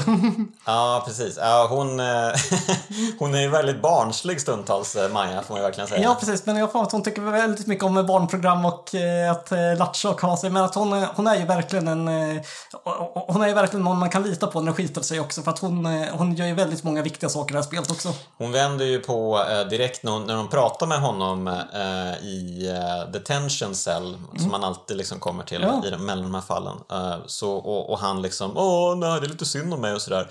Då blir hon bara direkt, ah men han är oskyldig, vi måste hjälpa honom, kom igen, ja, kom igen. Ja, precis. Ehm, Så att, eh, nej men hon, hon är ju väldigt snabb att döma, men samtidigt är hon också väldigt snabb att eh, ändra sig när hon väl inser att Ja, eh, ja, ja, ja, det var ju inte alls som jag trodde. Så det är en väldigt bra och en väldigt dålig egenskap. en bra och dålig egenskap, precis. Eh, precis. Jag älskar verkligen att springa runt och undersöka den här filmstudion. Ja, precis. För att det är där mordet har begåtts. Mm. Och när man kommer dit så får man träffa en återkommande karaktär i serien Mm. som jag har en väldigt komplicerad relation till. Det är, det är då Vector. Är det för att hon är med i Cirkusfallet? Eh, nej, jag tror att hon... Jag vet inte om hon är med där, men hon är, hon är med i lite andra fall. Och det, Okej. det är grejen att hon har en väldigt speciell personlighet. Det är ju Wendy Oldbag, en... eh, Hon, vänta, vänta nu. Hon heter Wendy Oldbag. Ja, precis. Och det ska väl syfta på Windy Old Bag eller något sånt där. Så, och Ja. Det är en eh, lite äldre dam som, är, eh, som eh, jobbar som vakt i entrén till filmstudion. Och, Mm. och hon är ju hon är ju verkligen urtyp av en surgumma kan man säga. Ja, verkligen. Otrolig. hon är supertjurig och liksom... Är, hon varierar för att inte vilja säga något alls bara vill köra bort den. Men liksom, om hon får igång henne då, då blir det ju hundratals ord per minut om de maler på om dagens ungdom. Det där, det där är en jättekul eh, mekanik för då, då klickar man ju inte fram eh, textrutorna själv utan de liksom bara kommer automatiskt, Ja, bara rabblar. och det går så fort att man knappt kan läsa orden. Ja, exakt. Jätteroligt. Eh, jag älskar när man liksom mixtrar med själva med själva liksom, med upplägget, med spelmekaniken. Ja, det med, finns, ett, det finns ett jättecoolt exempel på det här i fall 5 som vi ska komma in på sen. Mm. Verkligen. Ja, men, eh, hon är härlig och eh, väldigt roliga liksom, eh, animationer på henne också. Det, det är någonting när hon, hon ser liksom, lite, en liten glipa i munnen och ser Mm. lite så här, mm, lite så här, hon har någonting på G där. Man vet att det är någonting som väntar. Ja, Eh, Det är mycket med henne som, ja det är ju väldigt svårt att navigera henne. Alltså hon är ju samtidigt, hon, hon älskar ju liksom folk med makt. Ja, Och eh, hon hatar ju alla som är bara liksom typ i samma ställning som henne liksom. ja, precis. Och, eller under. Och hon är väldigt stort fan av eh, Jack Hammer, skådespelaren Mm. som spelade Evil Magistrate och nu hittats mördad. Precis, just det. Och eh, det är ju lite av ett conundrum för att eh, allt tyder ju på att det bara kan finnas en mördare. Ja, precis. Och att det då är Will Powers eh, som spelar Steel Samurai. Mm. För att man har, för man har och då har det, som bevis så finns det ju att man, ett foto på Steel Samurai som kommer gående genom filmstudion med eh, spjutet i högsta hugg. Precis. För att Och han har då- ett spjut som vapen och de, de tror att det är det som är mordvapnet. Mycket går ju ut på att den här säkerhetskameran tar ju då bilder på folk som går förbi. Precis, automatiskt. Automatiskt och eh, då vet de att eh, ja men det är bara Steel Samurai som eh, gick förbi här. Ja. Eh, ungefär när mordet skedde. Så att, ja men då vet vi det. Men vad jag aldrig liksom fattade, men, men när såg säkerhetskameran ehm, den här Jack Hammer gå förbi? Ja, just det. För att han måste ju befinna sig där borta också. Ja, Det tar de aldrig upp. det får Och vi. det, det blir ju liksom en grej också lite senare då. Precis. Ehm, men eh, jag tyckte det var märkligt att de aldrig liksom nämnde när han Nej, gick dit. precis. Det är väl lite sådär att... Man, det, må, man måste göra liksom vissa undantag för att eller, allting ska funka egentligen. Ja, jag har inte tänkt på det allt för mycket med de här spelen, men eh, det är många sådana där eh, eh, fiktiva berättelser. Så börjar man tänka lite för mycket så Ja, faller de sönder. precis, då, allting bara faller isär då. Men eh, som sagt, för det hade jag inte alls tänkt på. Men när du säger det så, så är det så att det är ett eh, stort frågetecken som borde dragit i redan i början av fallet. Verkligen. Det Ja, först- det borde ju Phoenix Wright ha sagt direkt. Ja, men eh, när gick, får vi se en bild på när han gick dit då? Ja, precis. Eh, och det får vi ju inte för att, ja, vi kanske går händelserna i förväg men eh, vi behöver kanske inte gå in i det här fallet jättemycket. Men det visar sig ju att eh, den vi ser på bilden, alltså den här Steel Samurai-kostymen, man ser ju inte liksom personen Nej, som du var inne på. Man, man fick ju inte se den fruktansvärda Will Powers Nej, utan man precis. fick ju se den fina, trevliga S- Gå förbi med spjutet i högsta hugg. Men det kan ju vara vem som helst som har på Ja, sig precis. dräkten. Och det, det är ju lite det som första rättegångsdagen går ut på för mig. Att, att det där fotot är liksom nyckeln till allt. Men att, eh, och att då säger Phoenix att ja, men det skulle kunna vara vem som helst i den där dräkten. Mm. Och så säger väl, jag vet inte, Oldbag eller Edgeworth säger att nej, det kan inte alls. Ser du att han eh, haltar för att eh, Will Powers skadade foten den dagen? Och då så säger Phoenix att ja, men det, då kan det vara vem som helst som såg att han skadade foten. Mm. Och så, så säger att ja, men det var lite folk där, det var, för att det var under en eh, övning inför inspelning. s- s- Eh, eh, repetition heter det ja. Eh, Mm. Och eh, då så, ja, men då så föll eh, Will Powers och skadade sig. Men eh, Jack Hammer, regissören, producenten och, och några till var där, bland annat Oldbag. Så att Phoenix anklagar henne mest för att vinna tid och få en utredningsdag Ja, det är till. jätteroligt. Eh, Ja. och så ja, så polisen bestämmer sig för att förhöra henne men säger typ och, och Typ att eh, ja men eh, dräkten passar inte henne så då får vi släppa henne och hon är ju rosenrasande när han kommer nästa dag för att jaha nu försökte du sätta dit mig för det här mordet och så börjar hon eh, köra sin harang och Det roliga är ju att de nämner ju inte under hela första rättegångsdagen att eh, regissören och producenten befann sig Nej, just där. det, för att någon Utan vill- det blir ju en grej sen på slutet när Oldbag blir anklagad så bara, ja men okej, ska ni anklaga mig? Då kan jag väl lika gärna berätta att eh, även regissören och producenten Ja, just det. Jag kom på att det, för att det, eh, om någon anledning så vill de, inte att det ska komma fram att regissören och producenten var där. Kan det vara för att någon av dem är mördaren? Ja. Åh! Kanske det. Kanske det, men det lustiga då är ju att eh, Ja, men de, de, de kan ju direkt eh, se att den här stilsamurai-kostymen den kräver ju att man är ganska stor för att liksom kunna bära upp den. Precis. Och gå runt med det här stora spjutet också. Så att eh, den lilla taniga assistenten Penny, Nej, eh, nej, kanske inte riktigt. Och Oldbag, nej det tror jag inte heller riktigt. Nej. Så då återstår ju egentligen två kandidater. Mm. Jack Hammer och Will Powers. Just det. Will Powers brukar vara Steel Samurai, Ja. men eh, tänk om Jack Hammer är Steel Ja, Samurai. precis. För att man hittar lite grejer som typ, han, eh, eh, Will Powers nämner att han, eh, låg, att han känns väldigt trött efter när, efter att ha ätit lunch efter repetition så han hade gått och tagit en tupplur medan mordet begicks och så blev han ju väckt av att polisen kom för att gripa honom typ. Eh, men, eh, då, eh, men då så när man är och utreder, jag vet inte där, eh, om det är nu eller lite senare, men hur som helst, någon gång när man är där och eh, tittar på hans tallrik så, mär, så märker man att eh, det ligger en flaska med, med sömnmedel eh, i närheten på det här bordet. Alltså varför har man inte tagit bort flaskan? Va? Ja, precis. Så, och, eh, så, så, ja, Alla mördare är så jävla slarviga de här spelen. precis. Så allt tyder ju på att det, är, eh, på att det måste ha varit Jack Hammer i den där dräkten dagen. Just det. Eh, precis. Och alla bara va? Eh, Jack Hammer? Men det är ju han som blev mördad! Ingen fattar någonting. Ja, precis. Eh, och då får man ju börja liksom gå runt på nya platser i studion. Det finns ju två olika studios eh, som de har som liksom inspelningsplats i, Precis. på den här filmstudion. Eh, studio 1 och Studio 2. Mm. Eh, och de tror ju då att mordet begicks på Studio 1 för Ja. att det var där man hittade kroppen. Precis. Men nu får man undersöka Studio 2 också. Ja. Det är en gammal studio som inte riktigt används egentligen Precis, längre. där finns det lite intressanta grejer. Bland annat en stor skåpbil och en förbränningsugn och eh, en grej som man verkligen... Så många misstänkta saker. Ja, också en sån grej som man, verkligen, som jag, man verkligen lägger märke till, men som jag, eh, så jag tyckte det var konstigt redan första gången att man inte kunde klicka på undersök. Att det är att där finns det en liten stuga som gissningsvis är Ja, det är väl något mötesrum där jag för mig. Och, eh, men utanför så är det ett eh, metallstaket med eh, vassa, eh, vassa staketpinnar. Er, erkänn att du tänkte samma sak som Ja, jag. och- Första gången man ser dem så tänker man ju ja, det var där han dog. Precis, och en av dem är böjd. Så då tänker vi att eh, det här måste jag inte för alltid göra. Men det går inte att klicka på den. Eller det går att göra det, men då säger Phoenix typ att nej, inget här. Ja, det är ju tydligt tycker Mm. jag att eh, här, lägger man ihop eh, saker och ting direkt. Aha, nu fick vi se den egentliga mordplatsen. Eh, Ja, och det är väl eh, här någonstans man träffar eh, Cody Hackins, en eh, nioårig pojke som är superstort stilsammare-fan och brukade smyga förbi Oldbag in i, in i, Ja. i filmstudion och bli jagad av henne för att fotografera inspelningar av stilsammare och så vidare.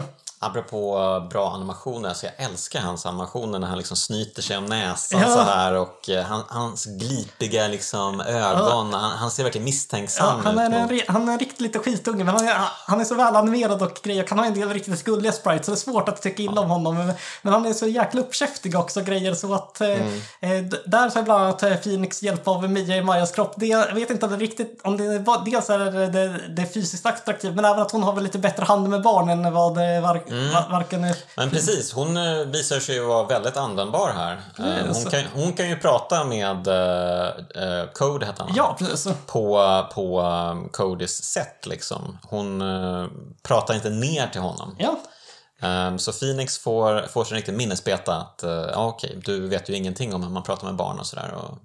Men nu så får du förhöra honom i rättssalen. Ja, precis. Och det, det är är väldigt roligt när han först introduceras. För han är, han är ju nio år, så han är så kort att han inte når hela vägen upp till eh, vittnesbåset. Så att eh, de får ju skaffa fram en låda för honom att stå på. Men det är väldigt kul att se hans sprite. Man typ bara ser halva hans ansikte och hans keps som sticker fram ovanför eh, podiet.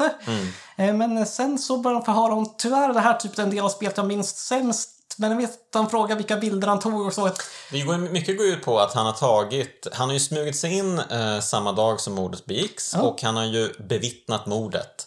Eh, fast i hans eh, lilla barnhuvud så är det ju liksom att, eh, ah, stil, samurai, anföll The Evil Magistrate och eh, de hade en fight och eh, Steel Samurai vann. Ja, och han säger... Men det, det stämmer ju inte riktigt. Hmm, eh, han är så liksom benhårt inställd på att Steel Samurai vinner alltid. Han kan liksom inte ta in sanningen. Nej, precis. För att, eh, för att det var bara att han har ju gett eh, Phoenix sitt eh, album med bilder och han går ju på alla, utöver att eh, tjuvfotografera inspel så går han på alla live-event och så där Samurai uppträder och spöar på skurkar i en park eller något sånt och då tar han alltid bild när de- delar ut nådastöten. Men av någon anledning så finns det ingen sån bild den här gången. Och han, har- han har väldigt svårt att erkänna något om det här tills Phoenix till sist lägger fram till att kan det vara så att Steel Samurai förlorade och han bara brister i gråt och ja, det var så, jag vill inte tro att det var sant men det var så. Ja, och Här Man- finns det också en liten kul detalj att eh, spelet utspelar sig ju 2016.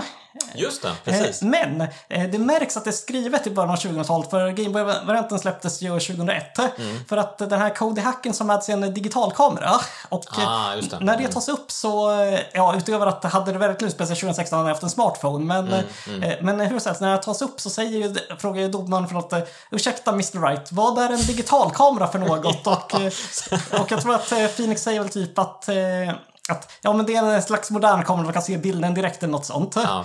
Eh, och det, det är viktigt att det är ett spel från tidigt 2000-tal, även ut, hävdas det ut speciellt sent 2010-tal. Det är ett gammalt spel här, helt klart. Precis. Ehm, och det är ju roligt att domaren fattar ingenting. Nej. Någonsin alltså. Han bara har inte koll på någonting. Nej, precis, men eh, Fantastiskt. Eh, Ett eh, väldigt relevant bevis kommer fram från Cody Hackins här och det är att han eh, tagit en bild som visar Steel Samurai stående utanför Studio 2 när alla trodde att mordet begicks i Studio 1. Så det blir ju liksom en eh, väldigt viktig del av utredningen. Ja, för nu kan ju äntligen Phoenix liksom eh, leda i bevis då att eh, Steel Samurai har befunnit sig där. Ja. Och varför var han där? Jo, det var ju för att han var sugen på att eh, träffa producenten. Ja, precis. Och eh, man, vi får ju även träffa regissören och det är ju eh, liksom en nidbild av eh, såna här liksom nördiga manga-älskare Ja, är som en lite övervintrade. En eh, riktig eh, otaku-nidbild. Ja, verkligen. Han pratar elite speech, han är liksom, eh, han är liksom en tjock eh, glasögon, bakåtvänd keps, eh, dreglar över Maja typ. Eh, ja, hon känner ju... Ja, det var väldigt creepy faktiskt. Ja, jag, tror hon, är, hon säger det inte rakt ut, men det, hon säger mellan raderna att hon känner sig sexuellt trakasserad av honom. Ja, ja verkligen. Eh, ja, nej men en obehaglig karaktär, men samtidigt känns han väldigt harmlös. Men det gör inte producenten. Nej, precis, för att eh, hon, eh, Di Vasquez, hon, hon verkar ju först att hon är bara totalt ointresserad av allt. eh. Men det är när man ko- Men eh, så är det också något...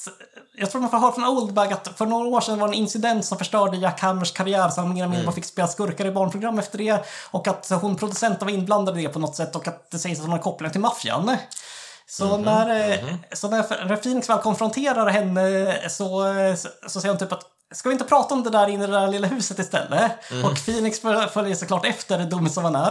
Det, det är lite återkommande att han hamnar ofta i livsfarliga situationer för att han konfronterar folk som han inte borde konfrontera. Han är ju extremt modig, men, Ja. men kanske då dumdristig Ja, också. precis. Men eh, han följer med, med henne in dit och visar någon bild från jag tror att det var väl en olycka för fem år sedan där en skådespelare dog under en inspelning mot Jack Hammer efter att Jack Hammer enligt sig själv råkat knuffa honom, men det råder tvivel om det där. Eh, Men hur som helst, när Phoenix visar det fotot så säger hon typ att ja, ta och lämna över det nu. Och han bara, nej det tänker inte jag, det är bevismaterial. Så så då ropar hon typ, typ okej grabbar kom hit. Och då kommer det in fyra maffiasnubbar i det där huset och, och då säger hon typ att att ja, men det här är mina, mina kompisar, de kan få saker att försvinna väldigt fort och eh, ni vet vad det betyder, ge mig fotot. Och då så... eh, Då så Det, det, är ju, det är ju otroligt rolig bild när hon står med de här jättestora mafiosikillarna Ja. bakom henne. Alltså, det är ju otroligt läskigt. Ja, precis. Och eh, liksom så att, hur ska det här gå? Men då rusar Dick Gumshoe in och eh, bara... Gumshoe! Ja, jag har sett vad som händer här. här nu får du följa med mig ner till stationen för, för förhör. Och om någon så går de där maffiasnubbarna med på det. Trots att de hade nog kunnat skjuta Gumshoe också om de ville. Men då kanske det dragit för mycket uppmärksamhet.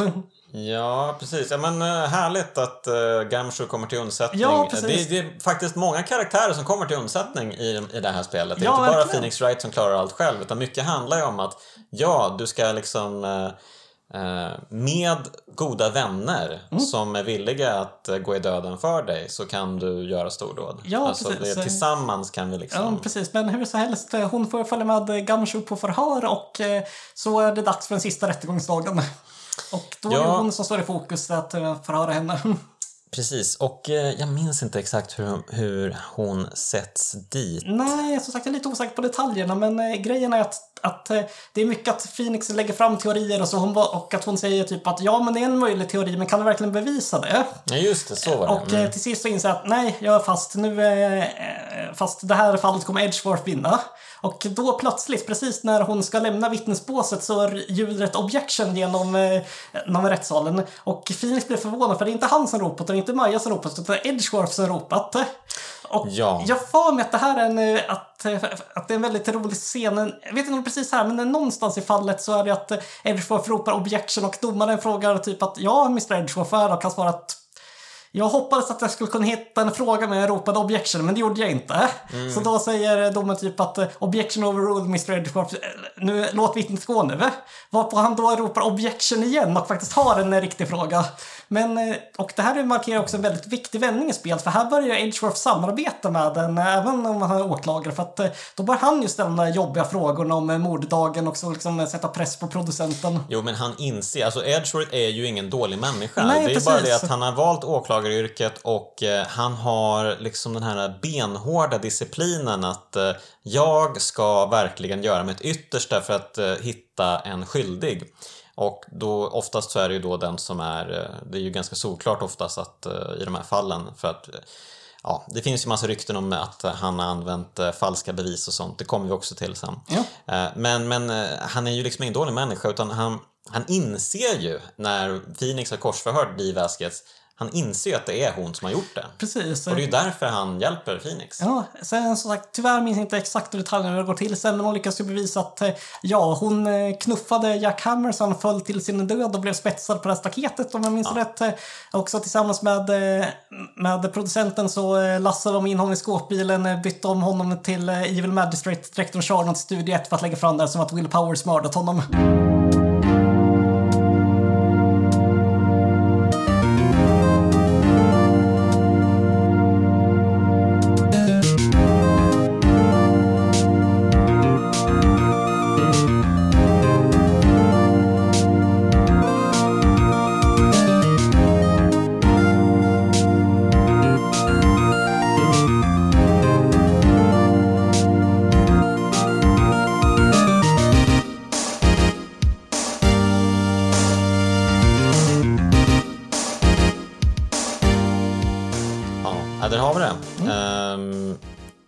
4. Ja, Turnabout Goodbyes. Det här är bara... Ja, det är så roligt att du- kommer ihåg alla de här. Ja, eh, det, det är faktiskt rätt bra på. eh, Men eh, det börjar ju väldigt intressant. För liksom eh, väldigt ödesmättad musik som spelas. Man ser en eh, båt med två svartklädda personer ute på en sjö och de, är- de pratar med varandra och säger typ att, eh, att visst är det 15 år sedan sist och eh, eh, säger ja, jo, men jag tror att det är 15 år och så, så ganska dramatiskt dialog. Så märker att de här karaktärerna har någon form av historia. Eh, och så plötsligt så är, så är det en närbild på att den ena här eh, håller en pistol i handen och säger Merry Christmas. Så brinner ett skott av. Eh, man hör hur något landar i sjön eh, och så, sen bam, klipper till att man ser Edgeworth som håller en pistol. Så, eh, så man kanske tror att det är han som är mördaren nu, men... Men här gör de egentligen en vändning med att eh, visa mördaren. För att Ja. det är ju inte Edgeworth som är mördaren, precis. såklart. Det förstår vi ju alla. Eh, framförallt med tanke på att vi ska försvara honom nu. Ja, Eh, så det är ju vår, det det är ju alltså åklagaren som, som är mordmisstänkt i det här fallet. Och det här är ju mitt eh, favoritfall i hela spelet, ska jag säga. Ja, jag, jag med. Det, det är liksom... Jag tycker att... För originalversion så var det här det sista fallet. Jag tyckte att det Mm. var ett väldigt bra sätt att avsluta spel på. Men eh, bonusfallet gör ju vissa grejer också. Och jag kan förstå att de har till Bonusfallet är bra också tycker jag. Eh, det ska sägas, absolut. Men eh, det här är absolut min favoritfall. Det är så mycket känslor här. Ja, i precis. det här. Och liksom det, det knyter ihop så många trådar från hela spelet och liksom Mm. sätter även upp nya trådar för kommande spel. Ja men verkligen. Ehm, så att eh, det är ju mycket det är ju inte bara det att det här mordet på sjön avhandlas utan det är mycket om det förflutna som vävs in i det här Ja, fallet. precis. De pratar ju om det här med 15 år som du var inne på i början där precis, när de sitter i båten. Eh, och vad var det som hände för 15 år sedan? Ja, det var det så kallade DL6-fallet. eh, Som, det har nämnts lite snabbt i bakgrunden i eh, Turnabout Sisters, fall 2, att, att det var ett, det var en mordrättegång, ett mordfall där polisen tog hjälp av ett medium som var Mia och Majas mamma, Misty. Och, Misty Faye. ja, eh, och att, men att det misslyckades för att hon pekade ut fel person vilket gjorde att hon blev vanärad och drog Det den här är så bra, det här är så bra alltså. Vi, vi återkommer till det också. Ja, precis. Men jag får mig också att den här Red White lyckades väl avslöja det på något sätt så att, eh, alltså att eh, Faye-klanens rykte verkligen förstördes eller något sånt jag minns rätt. Ja men precis, det blev ju lite av ett trauma för hela Faye-familjen. Ja. Och framförallt för Misty som försvann efter att eh, det där Precis. eh, eh, uppmärksammade Precis, fallet. Ja. och eh, det här del 6-fallet har en viss koppling till Edgeworth. Man kan säga att det har allt med Edgeworth att göra för att eh, det Mm. visar sig att eh, mordoffret i det fallet, det var ju hans far, Gregory Edgeworth. ja, som var en framstående advokat på den Precis, tiden. en eh, försvarsadvokat. Ja, och eh, på den här tiden då så var ju Edgeworth kanske, ja vad kan det ha varit, 10 kanske? Jag tror han var 9-10 någonting. 9-10 någonting. Och eh, det var ju då som han gick i skolan med Phoenix och Larry. Ja, precis. Och här kommer... Här förklar, jag tror att det är lite längre in i fallet, men vi kan dra historien nu att Phoenix förklarar sin bakgrund med Edgeworth och Larry att äh, när han gick i trean, fyran någonting så, äh, var, så var det en elevs lunchpengar som försvann. Varpå han blev anklagad trots att han hävdade sin oskuld för att han var sjuk den dagen så han kunde inte vara med på gympan som de andra eleverna. Och, så han var den som hade möjlighet att stjäla pengarna. Trodde de i alla fall. Eh, Men, men så, tyck, så av någon anledning så fick läraren för sig att han skulle ha en klassrättegång så att eh, hela klassen vände sig mot honom. Tills det är, eh, jag vet inte om han faktiskt ropar objection eller hur det är, men han gör den klassiska pekposen eh, Edgeworth som då att, eh, så, så då ja, men om han inte gjorde det så gjorde han inte och sen så backar ju Larry upp eh, Phoenix också. Eh, och, så, och så bestämmer läraren för att okej, jag, ersätter, jag ersätter pengarna själv. Det var nog inte Phoenix Wright som gjorde det här. Jag vet inte om hon är helt övertygad, men, men framförallt så visar ju han på att finns det minsta liksom eh, tvek just kring det. någonting så ska man ju inte döma Ja, någon. eh, jag har hört om det här också, att det är baserat på en sann historia. Att eh, Shutakumi har Mm. någon gång berättat att när han var liten så hittade han en spargris eller något som någon av hans klasskompisar hade glömt. Och sen när han blev sedd med den i händerna så blev han anklagad för stölden. Ja, så det, här fallet betyder ju säkert mycket för Shutakumi också. ja, säkert. Det, det är härligt att det verkligen... Man, man, man märker att det, det, är liksom, det, är något, det är någonting alldeles extra det här fallet. Ja, för att det är så många precis. Mm. bottnar, det är så många liksom... eh, Dels har vi det här från barndomen med Phoenix, Larry och eh, Edgeworth. Dels har vi mordet på eh, Gregory Edgeworth Ja. och att Miles befann sig då på samma plats samtidigt. Mm. Och att det är väldigt mystiskt allt vad som hände där. Och dels har vi då det här mordet i nutid på sjön. Så det är liksom tre led och, och samtidigt så är det mycket om de här liksom relationerna mellan nej, Phoenix liksom, och Edgeworth. Fantastiskt manusarbete. Och Ja, det är jag, så jag, bra. Jag tänker just på det så att det här, var, här nog var ett viktigt fall för Shutakumi med tanke på det här med de stulna pengarna. För att eh, Mm. det är en sak jag reflekterar över att se- då när Phoenix-berättarna får man se en eh, illustration av en gråtande Phoenix medan alla barnen står och anklagar honom och att, eh, och att så säger Phoenix att, att, det är den hemskaste känslan jag någonsin känt att eh, alla var emot den, ingen Mm. trodde på mig också och att misstänka att det spelar med Shutakumis egna känslor från det barndomstraumat. Eh, precis, så att eh, precis, Edgeworth säger ju ifrån. Men det gör ju även Larry. Precis. Han eh, sitter ju där eh, väldigt casual, hängandes över en stol typ och bara Nej men varför är ni på honom för? Lägg av med den. precis. Och eh, nu blir det lite sidospår här, men i anime-serien så gjordes det sen så finns det ju något avsnitt som visar de- tre som barnen de löser något litet mysterium tillsammans. Okej, känner jag inte till. Ja, Okej, jag, tyvärr så var det sju år sedan jag såg det senast, jag minns det knappt, men jag minns att det var väldigt gulligt. Okej, härligt. Ja men de ser väl gulliga ut, de här liksom eh, Ja, precis. eh, bilderna man får se från precis. Eh, Nej, så... Eh, precis. Men precis så att det är Edgeworth, han är mordanklagad. Phoenix, Edgeworth vill ju inte att Phoenix ska ta sig an precis, fallet än en gång sådär. Jag tror att det här är de där replikerna som fått folk att spela par ihop. Ja, Ja, för ja. att Edgeworth säger väl något att, att “Thanks to you I'm saddled with unnecessary feelings”. Det är så jävla bra. Ja, fantastiskt. Precis, eh, och det kan man ju eh, tolka in vad man vill i. Ja. Eh, precis. Men eh, så vad man måste göra då är att övertyga honom om att det är Phoenix eller inget som gäller. För än en gång så är det ju ingen som vill ta sig an fallet. Nej, precis. Och varför då? Jo, det är för att åklagaren i fråga, det är ju Manfred von Karma. Ja, precis. Så är riktigt fruktad. För jag tror att... För det var typ att han har inte förlorat ett fall på 40 år och det är också 40 år som varit åklagare så han har aldrig förlorat ett fall någonsin. Eh, ja, det säger ju sig självt. Den här skummen är... Vad säger jag? Den här snubben är skum. Ja, precis. Och eh, när, man, när man dyker upp i rättssalen första gången och får se honom så blir man ju onekligen... Alltså, han är ju otroligt... Alltså, så jävla skräckinjagande. Ja, precis. Fast jag skulle säga att, han, att, man, att man tänker på typ Dracula eller något när man ser honom. Så han ser ut som han skulle kunna vara, han ser ut som han skulle kunna vara en Castlevania-skurk typ. Eh, och eh, ja, mm. det är så att han... Nu, får man, nu har jag spelat in ett röstskådespelet ur hans objection-klipp, men det är verkligen en eh, mörk snudd på demonisk röst som kommer jag tänkte också på det. För man får ju, precis, de få röstklipp man får, det är ju det här Hold it och Objection. Eh, Och så märker man också att ibland när, Edgeworth säger object, objection så är det en annan röst som säger det. Ja. Men att det är den här mörka jävla basrösten som säger objection. Men man, när det liksom Manfred från Karma bara åh, kalla kårar Och direkt. eh, han ser sig själv som ordförande i rättssalen för att han säger typ åt domaren vad han ska göra och Ja. eh, styr, vill styra allt in i minsta detalj. Han är en otroligt skräckinjagande figur. Jag älskar, det är inte första dagen utan jag tror det är andra dagen så det är helt otroligt att de lyckas liksom, eh, för att han brukar alltid få sina ehm, han brukar alltid få de mordmisstänkta fällda på första dagen. Han brukar ju inte behöva mer än en dag för att Precis. fälla någon. och jag tror han säger väl typ i början av första dagen att den här rättegången kommer vara över om tre minuter.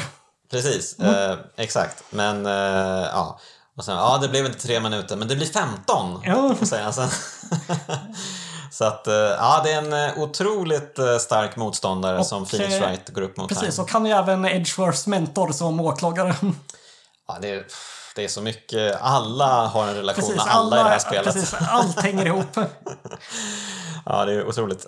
Ehm, ja, och man försöker ju nysta i det här fallet och man beger sig ut till den här sjön och där träffar man ju på Larry igen. Ja, precis. Som, eh, han jobbar väl som korvförsäljare där ute. Ja, och han har då en gigantisk Steel Samurai Just det. också. Eh, uppblåsbar, jättestor eh, Steel Samurai-figur Mm. eh, som hans nya modellflickvän har tipsat om att men det där kommer ju kidsen gilla, det Ja. måste du ha. Precis. Ehm, och ja, den kanske är involverad i det hela här, ska vi också komma fram till. Men det som framförallt styr hela rättegången, det är ju den här figuren Lotta Hart. Just det, hon blir en återkommande figur, men hon är ju en, eh, hon är en fotograf som specialiserar sig på paranormala fenomen. Eh, och eh, hon- är väldigt härlig karaktär. Pratar, eh, hon pratar med sydstatsdialekt i engelska versionen. Jag vet inte vad hon pratar i japanska, men... Mm, ja, precis. Ja, men eh, exakt. Hon är ju på dem lite att, eh, vad hånar ni mig för min sydstatsdialekt? Ja. Skulle jag vara korkad liksom och sådär? Precis. Men jag tycker hon är skön också. ja, och, hon, är, hon är väldigt lätt att älska.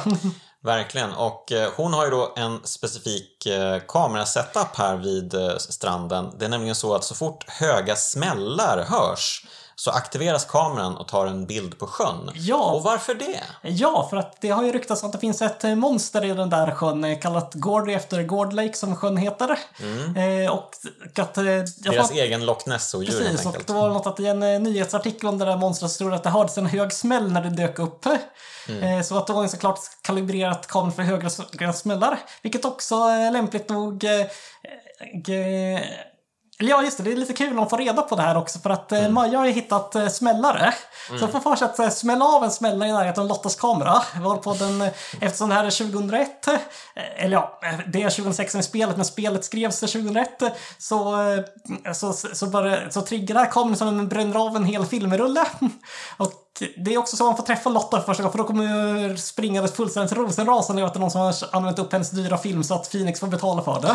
Ja, det är mycket att Phoenix får ju... Eh, han har ju inte heller mycket pengar till övers. Eh, han får ju sällan betalt för eh, sina liksom, ingrepp. Jag menar, Larry ger ju inte honom några pengar i första fallet till Nej, exempel. precis. Och jag tror till att... Han säger väl till och med att ah, tack för att du gjorde det gratis. Ja, men det sa jag aldrig någonting om. Nej, liksom. precis. Och, eh, precis, men eh, såklart eftersom kameran är inställd på att fånga upp höga smällar så har den såklart hört pistolskott. Precis. Ja, det, allting, det här är ju väldigt bekvämt allting. De, Ja. de, det, är ju verkligen skrivet så att allting ska passa ihop här. Precis. Men, men, men om man bara skiter i det så tycker jag att det, det är mycket mysigt det här fallet. Ja, det är Eh, fantastiskt. Mm. Mordet på sjön speciellt, specifikt då. Ehm, och eh, ja, man, man får även se en stuga här men den kan man inte gå in i än. Nej, men den blir mycket relevant senare. Mycket relevant senare. Ehm, och då ska man försöka bevisa då att, eh, för man, man möter ju Lotta då första Mm. dagen i rätten och bevisa helt enkelt att eh, ja, men det, det skulle ju faktiskt kunna vara så att det inte är eh, de personerna som befinner sig i båten som befinner sig i båten. Nej, precis. Och eh, det är ju också det här att, eh, att eh, mordoffret man hittat är ju Robert Hammond som, var, som försvarade den som var anklagad för, för att ha dödat eh, Greg Rage för många år sedan. Just det, där har vi kopplingen ja, till det som hände för 15 år sedan. Precis, och det bör också. Jag får mig att i spelet så är det typ två, tre dagar tills det där del 6-fallet kommer preskriberas för alltid. Vilket också är väldigt det är alltid så här, ja, snart är det över, snart är det över, åh, vi måste skynda oss. Åh. Ja, Det är ett jävla tempo i de här spelen. Det Ja. ska verkligen sägas att eh, det går ju jävligt snabbt. ja, jag får säga så att det är, så, det är så jäkla mycket som avhandlas i det här spelet. Men då pang, pang, pang, pang, pang. Det är ytterst Mm. sällan något bara känns som filler eller onödigt, utan eh, allt för handlingen framåt. Verkligen. Och sen det är ju så skönt att det, det går så snabbt också att trycka förbi alla textrutor, alla textskärmar. Ja. Det, det gör ju att eh, man bara liksom bara springer förbi allting. ja, men otroligt skönt. Ehm, Så att eh, otroligt bra tempo i de här spelen.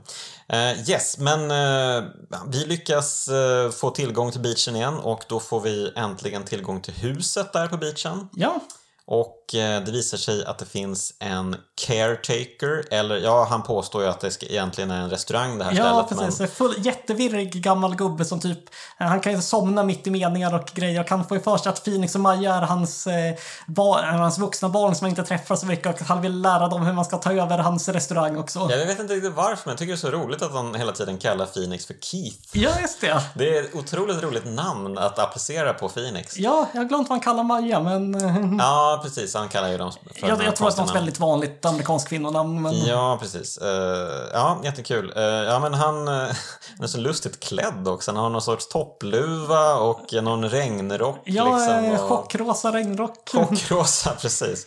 Eh, och så heter... Ja, man vet ju inte vad han heter. Nej, för att det han man- säger sig inte komma ihåg sitt eget namn. Nej, precis. Och, eh, Ehm, han har och ju det en borde ju alla tycka var extremt misstänksamt. Precis. Men det mest intressanta är att han har en papegoja. Och, Mm. eh, ja, och som heter Polly, som förstås också är väldigt pratsam. Och Ja. eh, då händer det en grej att när de, Phoenix och Maja är där och de ska gå därifrån så tänker jag att, eh, eh, så säger Maja eh, till papegojan att Polly, har vi glömt något lite där på skämt? Varpå papegojan svarar att glöm inte del 6. Så att till och med papegojan är inblandad i mordet på något sätt. Ja, herregud. Um, ja, vi hamnar i rättssalen och uh, han dyker ju upp här då, den här uh, virriga föreståndaren. uh, för, ja, det, han är det är ju egentligen båtuthyrning som han pysslar med, men han påstår att det är en restaurang också. Det är väldigt förvirrande. Ja, Ehm, och eh, här ska man då försöka, för man anar ju att det är någonting misstänksamt med den här snubben. Man ska försöka liksom avslöja honom för att man tror att han döljer på någonting där. ja, precis. Han måste ha en koppling till del 6 på något sätt. Ja, det vet man ju, för Polly har ju sagt det. Så Precis. att, eh, man har ju den ledtråden. Och det är väl så att, att, eh, att det var ju... eh, För att eh, DL6-fallet gick ju till så att Greg Ridgeworth blev skjuten i en hiss som fastnade när, när det var en jordbävning och han var på väg hem från en rättegång till San Francisco Miles och i, och i hissen var även en av domstolens vakter, Janne Yogi, som och då den, den förklaring som polisen och åklagarsidan körde på var väl att det måste varit Janne Yogi som sköt eh, Greg Ridgeworth med sin egen pistol. Just det. Och ja, självklart så är ju Jan Yogi eh, Och, den här märkliga föreståndaren. Precis, eh, och att det skulle vara att, de, att, det, att det blev lite fientlig stämning där inne när luften började ta slut så att det blev bråk mellan två vuxna män. Precis, det enda vi egentligen har från hissen det är ju Edgewords egna minnen. Men de är ju också lite så här eh, kompr- komprometterande, eller eh, komprometterade. För han litar ju inte själv på dem. Han har ju haft återkommande drömmar om att han kastar en pistol Ja, och så avlossas ett skott. Och så har han ett blodisande skrik därefter. Ja, så att han, är, han börjar liksom tro nu att det var han som dödade sin egen pappa. Ja, precis. Och sen så... Eh, Sen så, jag just dock att då att när Greg Edgeworths eh, spöke kallades på av Misty Face så sa han att det måste ha varit Janne Yogi som sköt mig, men att eh, sen så blev ju han frikänd. Ja, precis. Och det där, jag älskar det här med eh, spökförklaringen. Det här med att eh, Gregory Edgeworth, han vet ju inte vem det var som dödade honom. Nej. För att det som egentligen hände var ju att luften tog slut i hissen. Precis, och eh, han... Och, jag vet inte om han, såg att han Miles kanske, han kastade en kanske pistol. misstänker, ja det, det kanske var ehm, Miles som dödade mig. Han kastade pistolen där, det hände någonting. Mm. Eh, han kanske också hörde skottet och sen så kanske han svimmade. För skottet träffade ju inte honom, Mm. det skottet som hördes. Eh, Så han kanske tror då, ja ah, men det kanske var Miles som dödade mig. Men det vill han ju inte berätta för Misty Faye när hon eh, Nej, ber honom berätta vem det var som dödade honom. Så därför pekar han ut eh, Janne Yogi istället. Ja. Som de, de brottades ju liksom. Ja, precis. Så att eh, det kan ju vara så att spöket ljög helt enkelt. Precis, vilket jag tycker att det är en fascinerande Det är så jävla bra. själv. Men eh, ja, eh, och det här med att bevisa att den här virriga gamla mannen är Janne Yogi görs ju på ett väldigt kul sätt. Mm. För att när Phoenix in, till sist kör ju fast med sina frågeställningar och att lägga fram bevis och grejer. Han bara, nej, jag kommer ingenstans. Liksom, att fingeravtryck går inte, för den här mannen saknar fingeravtryck. Vilket von Karma då hävdar att, att ja, men innan han eh, skaffade den här båtaffären så jobbade han, i, eh, så jobbade han på en fabrik som håller på med kemikalier så han brände sönder sina fingeravtryck. Väldigt, eh, vad skönt att Ja, höra. precis. väldigt, Men eh, då och så till sist så säger väl von Karma lite hånfullt att ja, Mr Wright kanske vill förhöra vittnets papegoja. Och att eh, Phoenix då, att hmm, vänta lite nu. Så, han- så, så då lägger han fram, vilket jag tycker är spelets mest ikoniska rep replik. Your Honor, I would like to cross-examine the eh, witnesses pet parrot. Och eh, alla tycker det är fullständigt löjligt, men domaren går med på att låta honom förhöra Ja, men det, det är ju framförallt för att von Karma eh, sa ju att han gav sin tillåtelse. Ja, just det, det är med. För att han, han, han säger liksom egentligen bara sarkastiskt, ja nu kanske du vill ta in papegojan och Mm. förhöra honom. Men då har ju han liksom gett sitt godkännande till att Ja. papegojan hörs. Precis. Det är också en smart grej.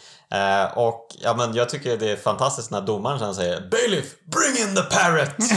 Precis. Men den här papegojan kommer fram och de, då tänker först att vi ska fråga har vi glömt något? Men den vägrar svara. Äh, röd, glöm inte del 6. Så, då- så då börjar de misstänka att von Karma har räknat med det här och, eh, och tränat om papegojan till att inte svara på den frågan. Ja, det är så dumt. Det är så dumt och så fantastiskt bra samtidigt. Ja, Underbart. Eh, ja, och eh, sen så... Men eh, så då bestämde jag för att fråga saker att, att peka dels på att eh, på att papegojan heter Polly, vilket Janne Yogis flickvän som tog livet av sig efter den här händelsen hette. Och, eh, och att den, då frågade jag vad är koden till kassaskåpet? Och då säger den 1228. Och det råkade vara så att, eh, att det här mordet, eh, del 6-incidenten, att det var den 28 december, alltså månad 12, dag 28, så 12-28 och då säger sig domaren att, eh, att ja men då måste ju den här mannen vara Janne Yogi för att, eh, för att liksom, nu har vi två kopplare och det är lite kul med von Karmas invändningar till det här att, eh, att, att, eh, han eh, säger så här att ja men bara för att det är en, eh, att det är en kassaskåpskod så det behöver inte betyda något. Jag har ju, koden till mitt bankkort är eh, 0001 för att jag är nummer ett. och sen så, Ja. sen, sen så lämnade papegojan Polly precis som, eh, eh, som Jan Yogis flickvän att då säger han typ att ja men min sjuåriga mitt sjuåriga barnbarn har en hund som heter Phoenix. Betyder det att ni är min sjuåriga, min sjuåriga barnbarns pojkvän Mr. Wright eller något sånt där. Men eh, till, eh, till sist Mm. får han erkänna att okej, det är Janne Yogi. Men det är också att den här gamla gubben till sist, han reser ju på sig och eh, blir mycket mer normal och seriös och sen, Ja. nej, jag erkänner, jag är Janne Yogi. Just det, han erkänner... Precis, för han erkänner ju mordet på sjön. För Det är ju också så här väldigt invecklat egentligen. För då har man ju redan kommit fram till att eh, det är mycket med klockslagen som är, som är grejen här. För att Ja. eh, hon har ju tagit eh, två bilder Precis. på sjön. En som där sjön är tom och en där den här båten och de här två gestalterna finns. Ja, Eh, För det är ju en dimmig kväll som de här bilderna tas på så man ser ju inte vilka det är som är på, ute på sjön. Eh, Men det här liksom andra fotot då, eh, där det inte är någon, någon på sjön, den har de ju helt liksom, ja men det, det är ointressant. För att eh, det är ju tydligt att det, att det inte händer något här. Men det är ju ändå någonting som har liksom utlöst kameran här. Ja. Det finns ett skott som har, det är någon som har skjutit här Ja. och sen har du skjutit senare också ut, ute på sjön. Ja. Så då är bara frågan, hmm, kan det vara så att mordet begicks redan innan? Ja, precis. Och, att det som sker ute på sjön bara är ett skådespel.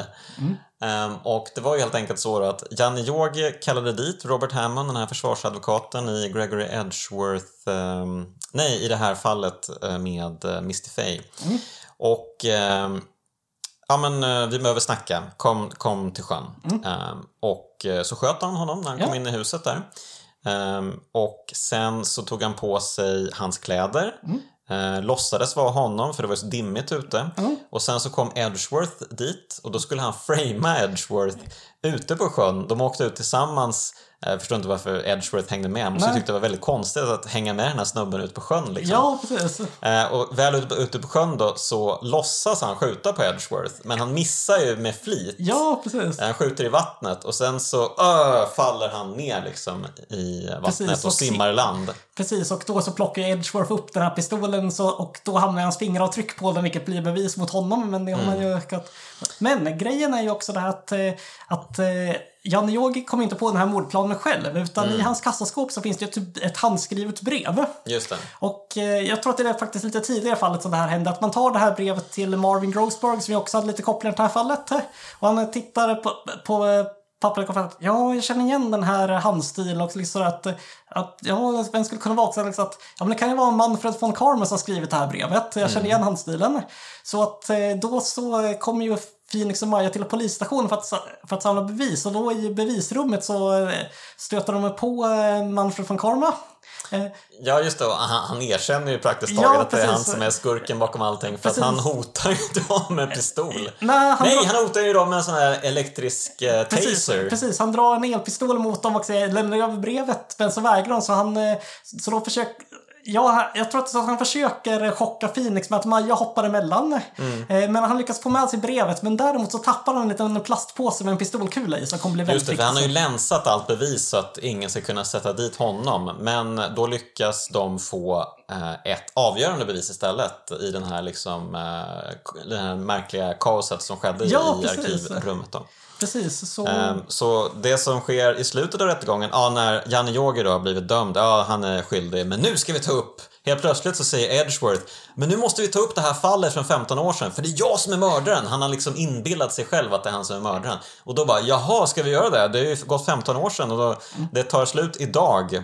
Eh, Ska vi verkligen göra den här grejen? Ja, men okej, vi gör väl det. Ja, och eh, von Karma är väldigt entusiastisk kring det. Ja, han bara yes, yes, yes, yes, yes. För han har, liksom, han har ju närt ett otroligt hat mot Gregory Edgeworth. För enda gången han fått en anmärkning under hela sin karriär, det var när han mötte Gregory Ja, Edgeworth. eh, nej, nu blir det ett litet sidospår här, men också kanske även lite spoilers. Men att eh, i det enda Ace Attorney-spel som inte är översatt till engelskan, eh, eh, Ace Attorney Investigations 2, då finns det faktiskt ett fall där de får spela som eh, Gregory Edgeworth och det är typ upptakten till det där. Ah, intressant, intressant. Ja. Hoppas att det kommer översatt snart. Ja, verkligen. För att det, vill, det är något jag verkligen vill se. Det finns en inofficiell översättning som eh, eh, säkert går att spela på tveksamt eh, lagliga vis, men eh, Ja, men där, där känner man ju verkligen att man vill ha en professionell översättning. Ja, precis. Eh, Så, eh, som sagt, jag hoppas verkligen att det blir av. Men ja, de tar upp det här fallet och eh, minns inte exakt hur bevisningen går till. Men det är också bland annat att, att, som, att om man tittar på foton från mordplatsen så är det uppenbart att skotthålet i fönstret på hissen inte kan ha varit samma kula som träffade Gregory Edgeworth. utan att då, att, och då kanske det var så att, att ja, men kulan kanske for ut och träffade den riktiga mördaren som stod utanför. Precis. Den, det var alltså så att eh, Miles Edgeworth plockade upp Janne Yogis pistol i hissen när de började bråka, Janne Yogi och Gregory Edgeworth, för att uh, Janne Yogi insåg att luften började ta slut i hissen. De, hissen hade ju stannat och det var ju någon sorts strömavbrott i huset. Och de hade ju befunnit sig där i liksom flera timmar. Eh, luften började ta slut, de började bråka för att han tänkte ja men om jag typ eh, dödar Gregory Edgeworth så får jag ju mer luft till mig liksom. Ja, precis. Han flippade liksom. Eh, Men i bråket då så kastar Miles Edgeworth pistolen som han hittar på golvet. Eh, Janne Yogis pistol, för han är ju en vakt där liksom. Eh, Den går av, skjuter ett hål i eh, hissdörren, hissfönstret. Eh, Och då borde det komma in luft kan man ju tycka Ja. samtidigt. Men alla svimmar i alla fall ungefär då för att luften har precis tagit slut. Ja, Och då är det alltså så att det är någon som står där. Och det är personen som står bak, alltså på hissens eh, motsatta sida. Mm. Det är den personen som vrålar så högt som det, det här skriket som Ja. Edgeworth minns sen. Precis. Och det är ju givetvis Manfred von Karma då. Ja, precis. Men han, eh, eh, eh precis, och han hävdar väl då att, eh, att nej, det har du inga bevis för eller något sånt. Och att då får ju, då får ju Maja kontakt med Mia igen som säger typ till Phoenix att ja men eh, tänk på en grej att, att enda gången Manfred von Karma tagit semester var direkt efter eh, att Greg Rageworth blev mördad. Ganska lång semester. Ja, det här är så bra alltså. Och det här är vad, så bra. Och vad, kan, och vad skulle det vara för anledning om det inte vore för att, eh, för, att han blev träffad av en pistolkula och behövde återhämta sig? Precis. Och eh, då, och då, då så...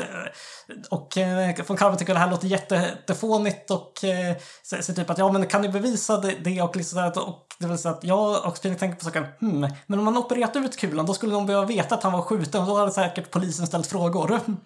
Så att, så att han lägger fram teorin att, att ja, anledningen till att man aldrig hittar någon andra kula det är att den fortfarande sitter i von Karmas kropp, vilket han ju tycker är jättefånigt. Och att, ja, men kan du bevisa det då? Och att eh, då drar Phoenix fram sin metalldetektor som använts tidigare i, i eh, brottsutredningen för att Ja. hitta bevis. Och, eh, och eh, von Karma tycker att nej, jag vägrar ge samtycke till det här, det är löjligt. Men domaren bestämmer att nej, Mr von Karma, ni måste låta er undersökas med metalldetektorn. Varpå de hittar att ja, det är något av metall i hans axel. Varpå von Karma då försöker att jo, alltså jag har blivit skjuten, men det har inget med det här att göra. Och då så, då så drar ju Phoenix fram pistolkulan som, eh, som de hittade i polisens arkiv när eh, von Karma eh, elchockade Maja. Att, liksom, att, ja, men du sa ju själv tidigare att varje pistolkula har ju sina egna fingeravtryck så att säga, med markeringar på kulan efter att den avfyrats. Vi kan ta och jämföra det här med kulan på axel och eh, då så rämnar det till sist att von Karma stöter ut ett avgrundsvrål och eh, erkänner att eh, det är han som legat bakom hela det här och han som sköt Greg Redford för 15 år sedan medan han dunkar huvudet i domstolsväggen. Ja, det är ju en av de roligaste sakerna med de här spelen är ju när den egentliga mördaren avslöjas när, när han eller hon inser att ja, det är kört. ja. Eh, det, det är ett sånt underbart ögonblick och eh, de, de får ju liksom en helt ny animation också. Ofta är det ju ett så skrik eller bara liksom total galenskap som yttras eh, och det är ju verkligen så i det här fallet. Han blir ju otroligt läskig när han bara släpper det fullständigt. Ja, precis. Han, är, ju, precis. han har ju en väldig närvaro i rättssalen och ja, det är fantastiskt sent att äntligen sätta dit honom.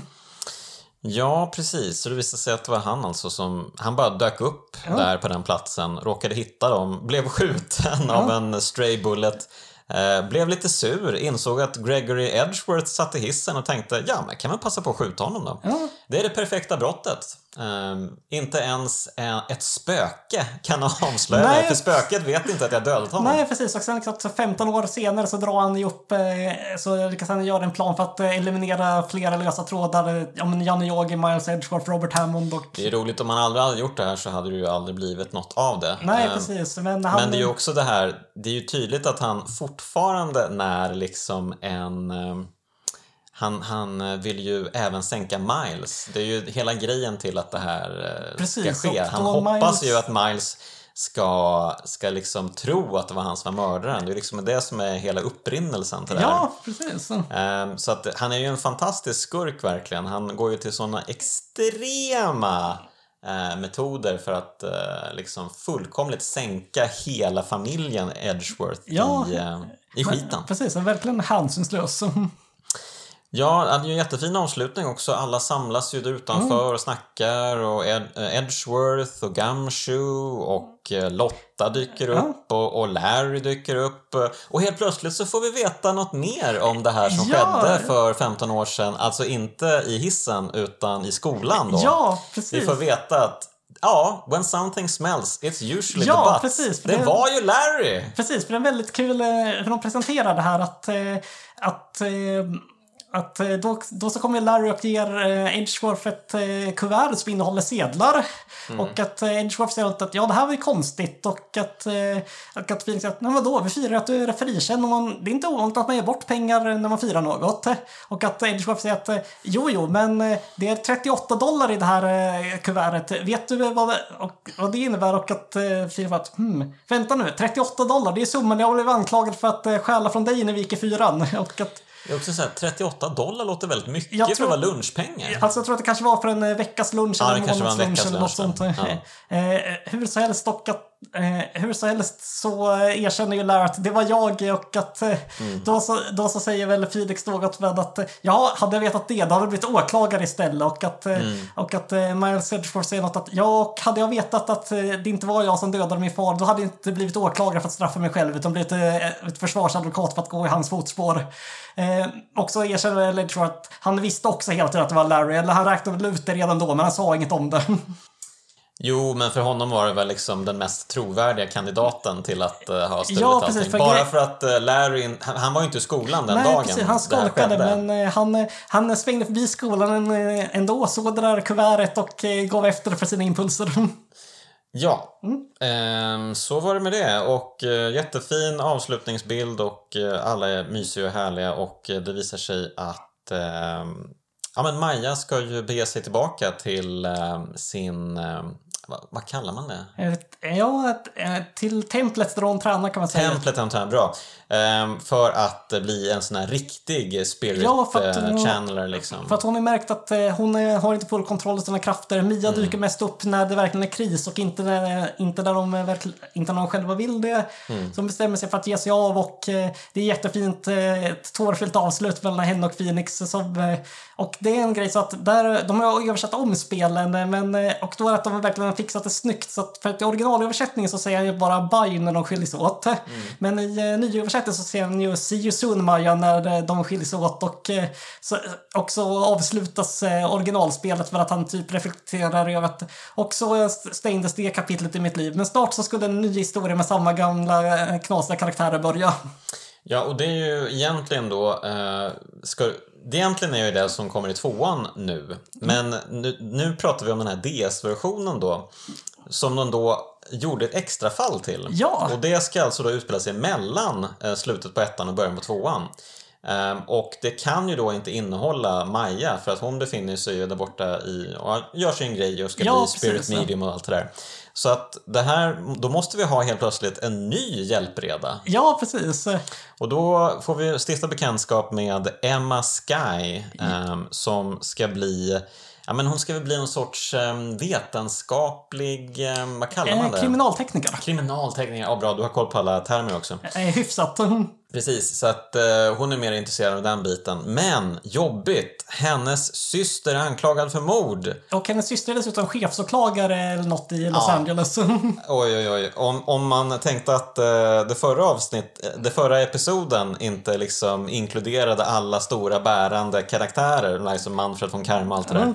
så inkluderar det här alltså verkligen alla stora ja, karaktärer. det här är ett eh, extremt sammankopplat fall, men ändå. Vi har chefsåklagaren, vi har polischefen. Vi har eh, jättemånga utredare. Ja, och det är fantastiskt. Alltså, det är ju otroligt välskrivet även det här fallet tycker jag. Ja. Ehm, och eh, det är väldigt invecklat och det är jättelångt. Jag vet inte om vi orkar gå in på alla detaljer här Nej, så jag Men... tänker att vi får köra snabbvarianten lite för att eh, det är så det. himla mycket. Och eh, det här fallet, eh, ja, som sagt, gjordes ju specifikt för DS-varianten så det har ju en del touchgrejer, typ så att, som att strö ut fingeravtryckspulver och blåsa på Mm. DS för att, för att ta bort det, att, att vända och vrida på 3D-bevis och allt sånt. Och dessutom eftersom det skrevs sist i trilogin så finns det en massa så här call forwards till saker senare. Typ att eh, man kan se en eh, porträtt av en karaktär från tvåan och trean. eh, Man, man hittar på något ställe en buggdetektor för att, hitta, ja, men för att, eh, för att hitta avlyssningsmikrofoner och att mm. Phoenix säger att, att, att, ja men vad är det här för skrot och att Gumshoe säger typ att nej nej men det kan ju komma till användning längre fram och det gör det ju i sista fallet av tvåan och eh, så till exempel när man besöker Edgeworths kontor i det här bonusfallet då ser man ju rocken han hade när han eh, precis börjat som eh, åklagare vilket man får se i en flashback i trean. Det, det riktigt roliga med det här fallet det är ju att eh, det är två fall i ett kan man säga. Ja, verkligen. Eller det, det är två mord. All, det är ingen som fattar riktigt hur det här går till men samma person har blivit dödad på två olika ställen. Ja, precis. Samtidigt. Precis. Eh, polisutredaren eh, Bruce Goodman har ju hittats eh, knivhuggen i bakluckan på Edgeworths bil samtidigt som han ska ha blivit knivhuggen in i polisens be- bevisarkiv. Fantastiskt. Eh, och den här sista delen, den får man ju inte veta förrän i slutet på första dagen. Eller Nej, man har varit i det. första, rätt, eh, första liksom, eh, rättegångsdagen. Nej, precis. För det verkar ju, för det verkar som att allt börjar ganska Det, det, är liksom, det, det är som vanligt, det är som en lök där som bara liksom harvar upp mer och mer saker och sen så blir det bara mer chockerande saker som händer. Man bara va? Han blev dödad på två olika ställen samtidigt? Vad i hela... Ja, precis. För att introt på fallet är ju väldigt eh, trippy. Typ att man får se Los Angeles, eller ja, random storstad, men i eh, engelska översättelse Los Angeles. I regn så, så ser man liksom, som en person som står med en kniv upp och så plötsligt så delas skärmen i två så man ser, eh, ser två personer med varsin kniv som hugger neråt samtidigt. Och massa, det är verkligen så att här vill vi flexa DSens 3D-grafik lite. Ja men absolut, det är ju snyggt och eh, framförallt eh, ja, men otroligt fina karaktärsteckningar här. Jag älskar ju, eh, han heter Jake Marshall ja, just det. Cowboypolisen. Cowboypoliser, ja, det är ju så sjuka grejer här. Det lustiga är ju att ja, de är inte, han är ju typ inte detektiv längre, eller undersökande, alltså det som Ed, eh, Gumshoe ofta är. Ja, precis. Utan han Utan blivit- han är ju liksom, han har ju blivit degraderad till att bara vara liksom säkerhetsvakt typ för Ja, just det. Han var inte ens bevisarkivet. patrullerande polis. Han är inte ens vakt nu. patrullerande polis längre, men han har varit det. Och han har varit involverad i ett fall. Det är också en sån här grej, ja, ännu ett sånt där fall. Där det är dels mordet som begicks nu och ett mord som begicks för flera år sedan. Ja, Eh, som liksom integreras och blir... Shutakumi älskar ju det här. Eh, att jobba med flera bottnar samtidigt och eh, flera olika tidslinjer liksom. Ja, precis. Men, eh, och fallet börjar ju ganska enkelt att, att ja, men, de har hittat Bruce Goodmans kropp med en kniv i sig i Edgeworths baklucka. Och eh, hade det inte varit för att ett vittne råkade se chefsåklagaren Lana Sky sätta kniven i kroppen så hade ju väl Edgeworth blivit framad för det här. Så han har ju tur att inte bli framad två fall i rad. Ja, jag tror att det var lite för mycket nästan. Ja. Att uh, tvinga honom att uh, än en gång bite the bullet. Men istället så är det då chefsåklagaren Lana Sky, Emmas syster då, som blir anklagad. Eh, och det lustiga är ju att precis som egentligen alltså med Edgeworth, han pratar ju inte mycket om, eh, när, i det här fall 4, så man får ju nästan inte ut honom, någon information från honom. För att han vill ju inte att Fini ska veta saker och ting. Nej. Men, och det är likadant med Lana. Hon är ju extremt eh, eh, ohjälpvillig. Nej, Alltså, precis. Hon vill ju verkligen inte ha någon hjälp. Hon är totalt iskall och... eh, Men det är väl lite det att eh, Phoenix säger något att hon eh, påminner honom om Mia och hon och Mia pluggade väl juridik tillsammans för många år sedan. exakt, alla karaktärer som sagt har ju nå- någonting med varandra att göra. Precis, och, Det är ju, eh, och det, är väl, det är väl också en av anledningarna att Phoenix vill ta sig an det här fallet. Han ser ju likheterna mellan Emma och Lana och eh, Maja och Mia. Så ja, precis. Eh, ja, men uh, mycket, mycket speglingar är det som sker i alla de här spelen. Ja. eh, av fall som redan varit. Ehm, ja, och förutom Jake Marshall då, så är det ju även en annan figur som heter Angel Star som springer runt och säljer ja, lunchlådor. precis. Så hon är, hon är också före detta polisutredare. Ja, precis. Eh, Hon blev sparkad då och har då börjat sälja lunchlådor. Det är väldigt roligt. Hon har alltid en ny lunchlåda Ja, verkar eh, det och som. spelar man på Playstation eller Xbox så kan man få en achievement för att få se alla hennes lunchlådor. För Ah, det är vissa okej. som är låsta bakom att man gör fel svar, så man kommer behöva fel, svara fel ett par gånger för att ta den achievementen. Men jag spelar på Switch som inte har achievements, tack och lov. Så Mm. Ja, nej det behöver man ju inte. eh, Ehm, min achievements-aversion är ett ämne för en annan podd, tror jag. Eh, hon framstår lite som en femme fatale, den här Angel Star. Eh, och eh, hon säger ju också att hon har typ en pojkvän överallt. Ja, precis. Jag får att det... Jag tycker jag såg på courtrecords.net när jag spelat, det var någon som hade spelat där med sin morsa i rummet och att morsan var frågat typ, är hon prostituerad? Ja, men ja, eller så är det som eh, Lou Bega-låten, fast eh, A boy in Rome, a boy in Paris Ja, och så vidare. Eh, hon eh, är väldigt speciell och det är även Jake Marshall, den här cowboy-detektiven ja. Angel Star har en väldigt kul quirk att eh, hon, hon har ju lugg som går ner över ena ögat men Mm. hon vänd, vänder ju på huvudet för att flytta luggen och hon byter personlighet därefter lite. Att, Mm. att hon, hon är mycket vänligare när ena ögat är blottat och mycket mer fientlig när andra ögat är blottat. Man Så det är älskar ju de där små Det är, quirksen. jätte, det, är, det är en väldigt härlig detalj och eh, ja, så man... eh, Nu minns inte exakt vad det är man går igenom där, men typ att ja, hon såg att, eh, att Lana hugger kniven i kroppen, men dödade hon verkligen honom? Satte hon en kniv i en livlös kropp? Och, så, Exakt, man vet inte. och här kommer en grej med översättningen just som att, för att hon, att hon nämligen något av en muffler som kan betyda både både halsduk och avgasrör. Mm. Och att det riktiga mordvapnet ligger ju inlindat i en halsduk i, i Miles Edgeworths avgasrör. Eh, Men eh, när det först blir missförstånd för att Phoenix tror att hon pratar med halsduk och så vidare. Och det här är lite svårlösligt på andra språk. Ja, hur har du översatt det på svenska? Oj, eh, hjälp. Det här har jag grämt med. Jag har inte kommit på, jag inte kommit på bra. Så jag, så jag tror kanske att jag hade kört på italienarnas lösning och försökt hitta en bra svensk variant. För att italienarna gör så att då så nämner... Att, att då så pratar för att, det, för att det är något med att Lana säger i telefon något om en muffler, vilket på... Vilket då hon på italienska så säger hon något om eh, att en eh, halsduk av eh, eh, märket Marmy Hit eller något för att eh, Marmitta betyder eh, avgasrör så att har ska ha fel där och så, så man hade okej, fått göra något sånt att de, Va, vad kan du för kända svenska halsduksmärken? eh, Inget, jag tror att det var ett fiktivt märke så man hade fått hitta på eh, modedesigner som låter lite så avgasrör eller ljuddämpare eller något. Ja, ja, ja.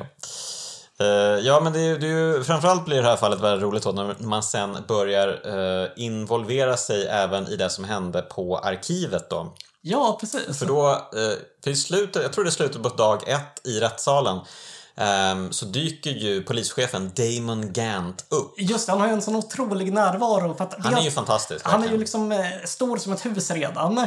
Och, Ja, och, och han är ju liksom muskulös, en stor, liksom, Ja, precis. Otroligt sen, så, sen imposant så liksom karaktär. superpampig orgelmusik som spelar när han gör entré. Och, du. Du,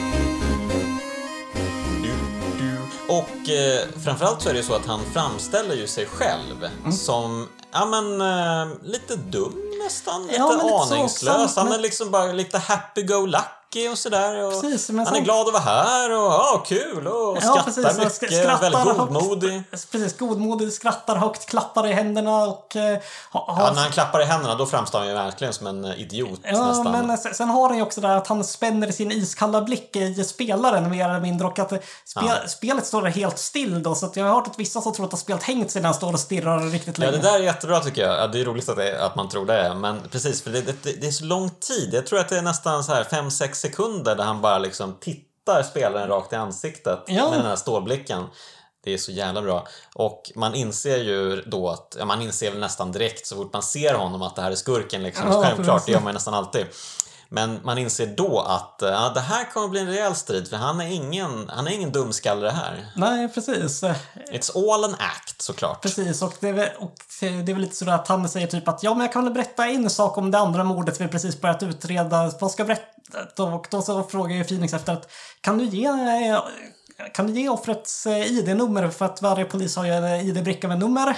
Och att han att ja visst, jag förstår inte varför du vet det, men han radar upp, han läser upp det så jämför Phoenix för att han har hittat Bruce Goodmans ID-bricka på i parkeringshuset där Edgeworths bil står parkerad också. Vet jag att, hmm, det är ju samma ID-nummer här, så Bruce Goodman har alltså mördats på två ställen. Ja, och vad som egentligen hände, eh, vi, kan, vi kan gå lite snabbare här i händelserna i förväg lite tror jag. Eh, men det som egentligen hände var ju då att eh, de har ju försökt få tag på bevismaterial från ett gammalt fall. Det var nämligen så att Angel Star, alltså kvinnan med lunchlådorna, Jake Marshall, cowboyen, vi har inte nämnt att det är cowboymusik också varenda gång han Ja, dyker fa- upp. fantastisk låt.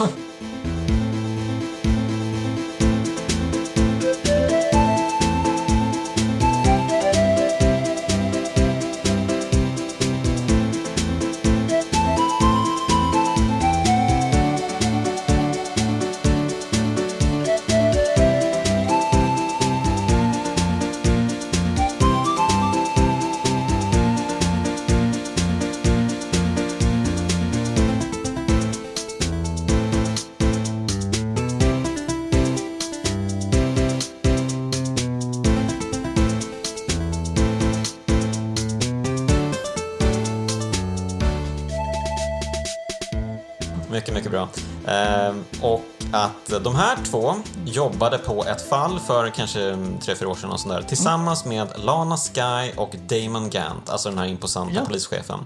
Ehm, och tillsammans med eh, cowboykillens bror också, Just det, Neil Marshall. Neil Marshall, som då var åklagare. ja.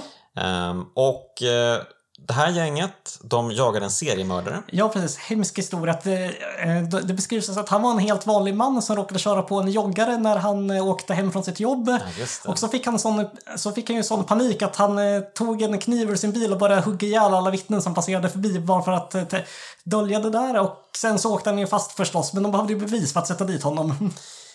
Ja, så att eh, det finns ju då ett litet trauma som även Emma har. Ja, Ehm, precis. Hon är ju involverad i det här också. För det visade sig nämligen att för tre, fyra år sedan då, eh, när Emma var liten, så befann hon sig ehm, i, eh, ja, men hos eh, Lana. Hon var uppe på hennes kontor. Som hon som hon delade med- delade med Damon Ja. Gant. Ehm, och eh, skulle bara hälsa på egentligen då. Ja. Samtidigt som Lana och eh, Damon Gant och Neil framförallt tror jag, Mm. eh, cowboykillens bror, eh, då hade tagit in den här mördaren för questioning. Ja, Och de, kunde, de hade ingen bevis, de kunde inte sätta dit honom, Mm. men de försökte ju liksom få fram någonting eh, ur honom. Mm. Så han fick panik helt plötsligt. Flydde dem, Mm. tog sig upp via hissen till eh, deras kontor, springer in, överrumplar Emma, men då kommer Nick in bakom och så blir det en strid. ja. Och här, det är mycket så här att eh, i de här spelen, när de återberättar de här sakerna, Mm. inget är riktigt vad man tror i första ögonblicket. Nej, precis. För att hon eh, beskriver... Hon tänk, trodde att hon knuffade den där seriemördaren när han stod med kniven höjd över Neil Marshall. Men eh, det kommer fram väldigt många varianter av den här berättelsen. Så, Ja, och det, ja, det är otroligt alltså hur många olika versioner de lyckas eh, fiska fram ur allt det här. Eh, det är ju en, eh, väldigt länge så tror man ju då att det är Emma som råkat knuffa Neil Marshall och döda honom. Ja, precis, jag att tänkte- det alltså inte är seriemördaren som har dödat Neil. nej, precis. Att hon då knuffat honom så att han eh, fallit baklänges på en riddarrustning med ett skarpt svärd eller vad det nu är som står där. Just det. Men i slutändan så visade det så att det var Damon Gant såklart som mördaren då. Ja, precis. Och det, att var, han- det var lite, jag tyckte det var lite luddigt varför han gjorde det. Men som jag minns det så att dels var det att då, att då och att göra det där så lyckas ju förfalska bevis att sätta dit eh, den här seriemördaren på och få Mm. honom avrättad. Ja, han vill väl få liksom en triumf. Men som han, de tar ju upp det här om att eh, han skulle ju ändå bli polischef utan att Ja, det här precis. skulle men ske. tror- liksom. Och jag får mig att, eh, att när han såg Emma där så lyckas han väl eh, tillsammans med, så lyckas han väl arrangera brottsplatsen så det skulle se ut som att det var Emma som låg bakom. Eh, och, då, och då tillsammans med eh, Lana då att säga att men vi kan städa upp det här och få det se ut så att det var seriemördaren som gjorde det här. Men så har han då den där hållhaken på chefsåklagaren då så att han som pol polischef styr både polismyndigheten och åklagarmyndigheten och att det var liksom det så att eh, då får han mer makt. Det roliga är ju att det finns ju en, en krossad urna eller vas här där, Just där, liksom, där det då liksom framställs som att Neil innan han dog Mm. han skriva Emmas eh, namn på Ja. den här vasen i sitt eget blod. Vilket är en callback till första eller andra avsnittet i det här spelet då. Då eh, Mia skriver ner Majas namn på en lapp. Just det. Och det, det tar de ju upp redan i, det, eh, i den episoden att ja, alltså hur ofta är det egentligen så att eh, den som blir mördad skriver liksom den som mördade, Ja, eh, alltså namnet på den som mördade en. Det händer ju aldrig. Nej, precis. Eh, Så det är ju liksom en tydlig markör att varken det här eller det andra beviset är ett riktigt bevis liksom, utan det är fake allting. Liksom. Precis, och eh, sen så har jag för mig att det är någon fin teknikalitet med att eh, Phoenix Wright lyckas ju sätta dit Damon Gant på en eh, teknikalitet i bevislagstiftningen eller något. Att, eh, Det avgörande beviset hade han inte kunnat lagligen presentera för att det var något med att dels måste ett bevis vara bedömt relevant för det aktuella eh, målet och så måste det vara godkänt av Polismyndigheten. Vilket eh, Just det. det. sätter ju ganska många om Phoenix Wrights tidigare bevispresentationer i eh, Nydagar. Mm. Ja, Så, så lite det jag tänker, typ när han snor den där somnmedelsflaskan i Turnabout Sunrise. Den var väl inte godkänd av Polismyndigheten för att ingen visste att den fanns. Eh, Så jag tror att vi får inte tänka för mycket på det här. Vi kan inte tänka för mycket på det. Men det är en kul, eh, kul avslutning helt klart eh, på det hela. Och det, det känns ju verkligen härligt att få sätta dit honom. Han, han ser ju så jävla rolig ut när han väl inser att han är besegrad. Alltså han blir ju verkligen någon sorts animefigur som bara exploderar i ele- elektricitet nästan. På... Ja, och sen, sen, så börjar han skratta maniskt och applådera intensivt. ja, och faller baklänges. Precis, men sen, sen så reser han sig värdig och erkänner typ att eh, ja, det var jag, eh, nu får jag ta mitt straff. Och så säger han typ att eh, men det verkar som att det finns hopp för vårt rättssystem i form av Mr. Right och Mr. Edgeworth här. Så det, så det är liksom en skurk som är, har lite värdighet och vet att han är besegrad och att det är en formidabel eh, motståndare. Ja, men det gillar man ju. Absolut. Ja. Eh, och där tar då Phoenix Wright Ace Attorney slut. I alla fall DS-versionen då. Precis, det är det lite fina scener man får se vad karaktären haft för sig och eh, Just det. Så, eh, så avslutas ju fallet med att man öppnar en bok och eh, ser en gammal bild av Emma och Lana tillsammans och det är jättegulligt.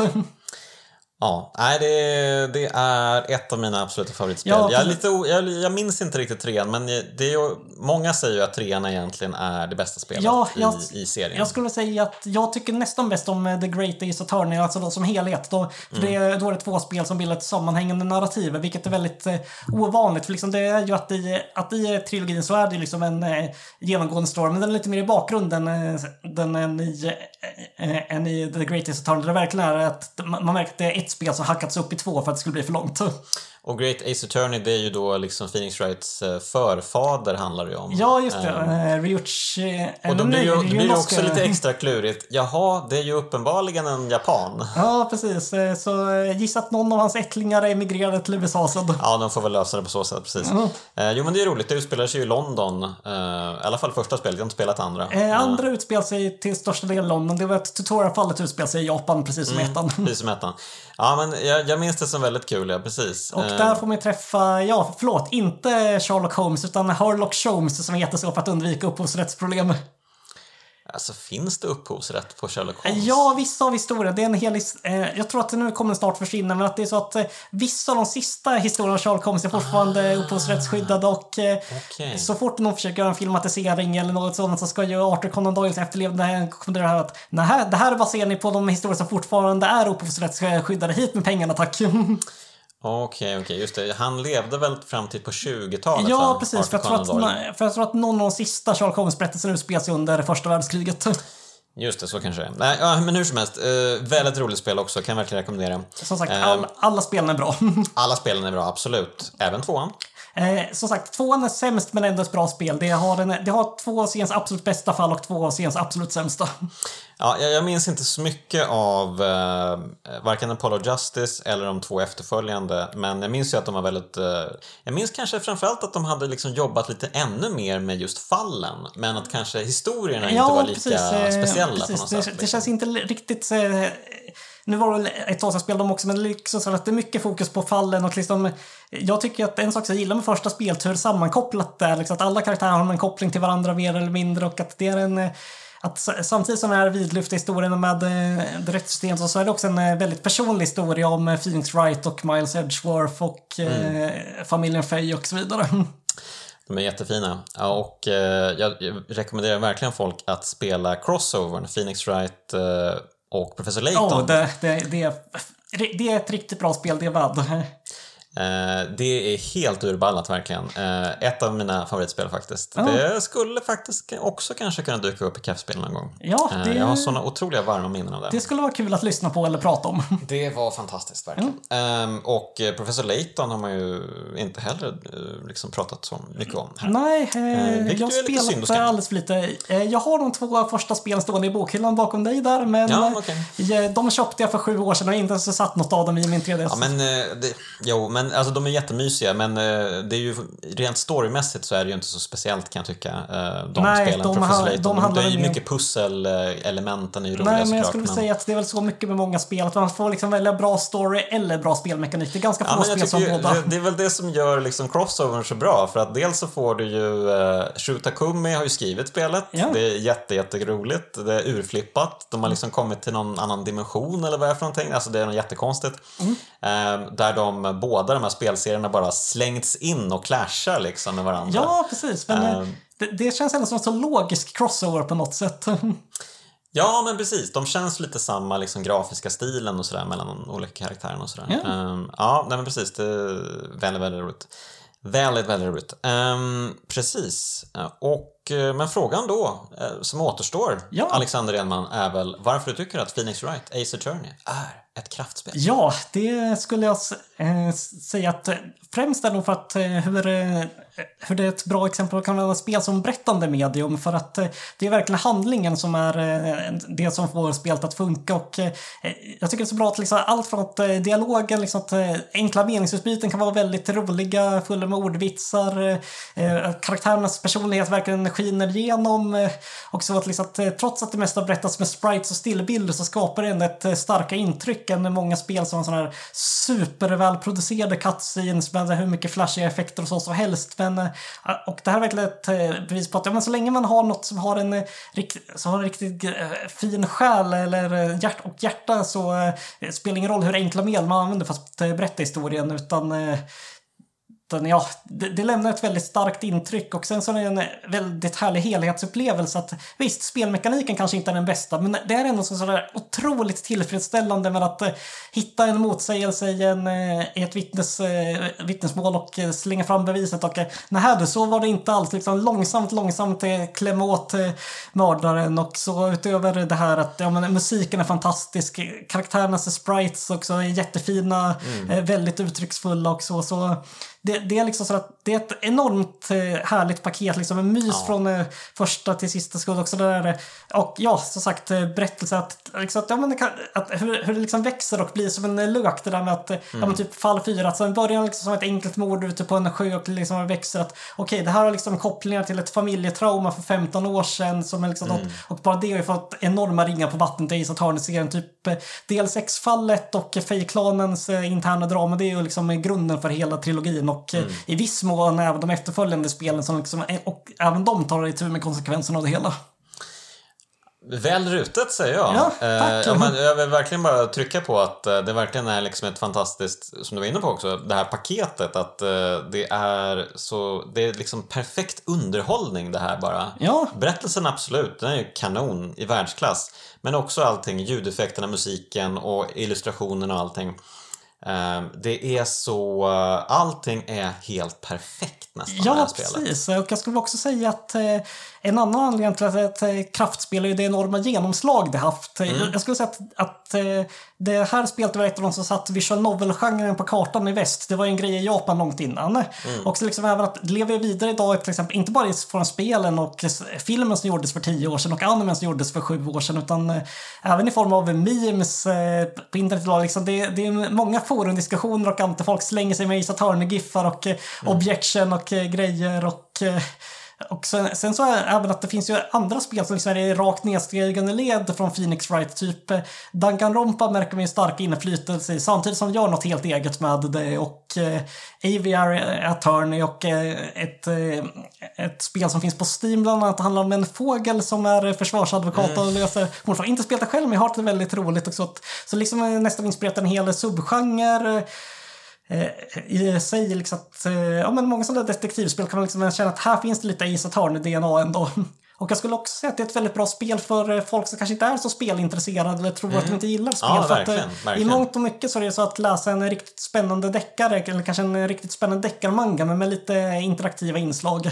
Och Mm. eh, även sådär liksom att ja, men spel, det handlar inte bara om att eh, samla poäng och eh, mörda skurkar utan det, det kan ju vara så att eh, ja, men spännande historier om eh, eh, mordfall och de personer som dras in i mordfallen. Ja, ja men verkligen. Och superspännande och framförallt jätteroligt. Ja, precis. Liksom så att, eh, trots att det är mord och hemskhet som står i fokus så är det också ofta ganska lättsam ton, eh, eh, väldigt mysigt och så. Samtidigt som har det att det kan bli väldigt sorgligt och allvarligt och stundtals även läskigt, typ när man blir konfronterad av von Karmen med elpistolen. Och, eh, så, så, som sagt, det är ett spel som, det, det är hela känslospektrumet på en och samma gång nästan och eh, ja, bara perfekt underhållning. Och det är verkligen där spel som eh, inte får bara min spelsmak utan mångas.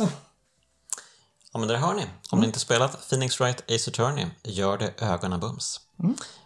Tack Alexander för att du var med i Kraftspel. Ja, tack för att eh, jag fick vara med. Det har varit väldigt roligt. Det här är ett spel som ligger mig väldigt varmt om hjärtat som ni nog har hört.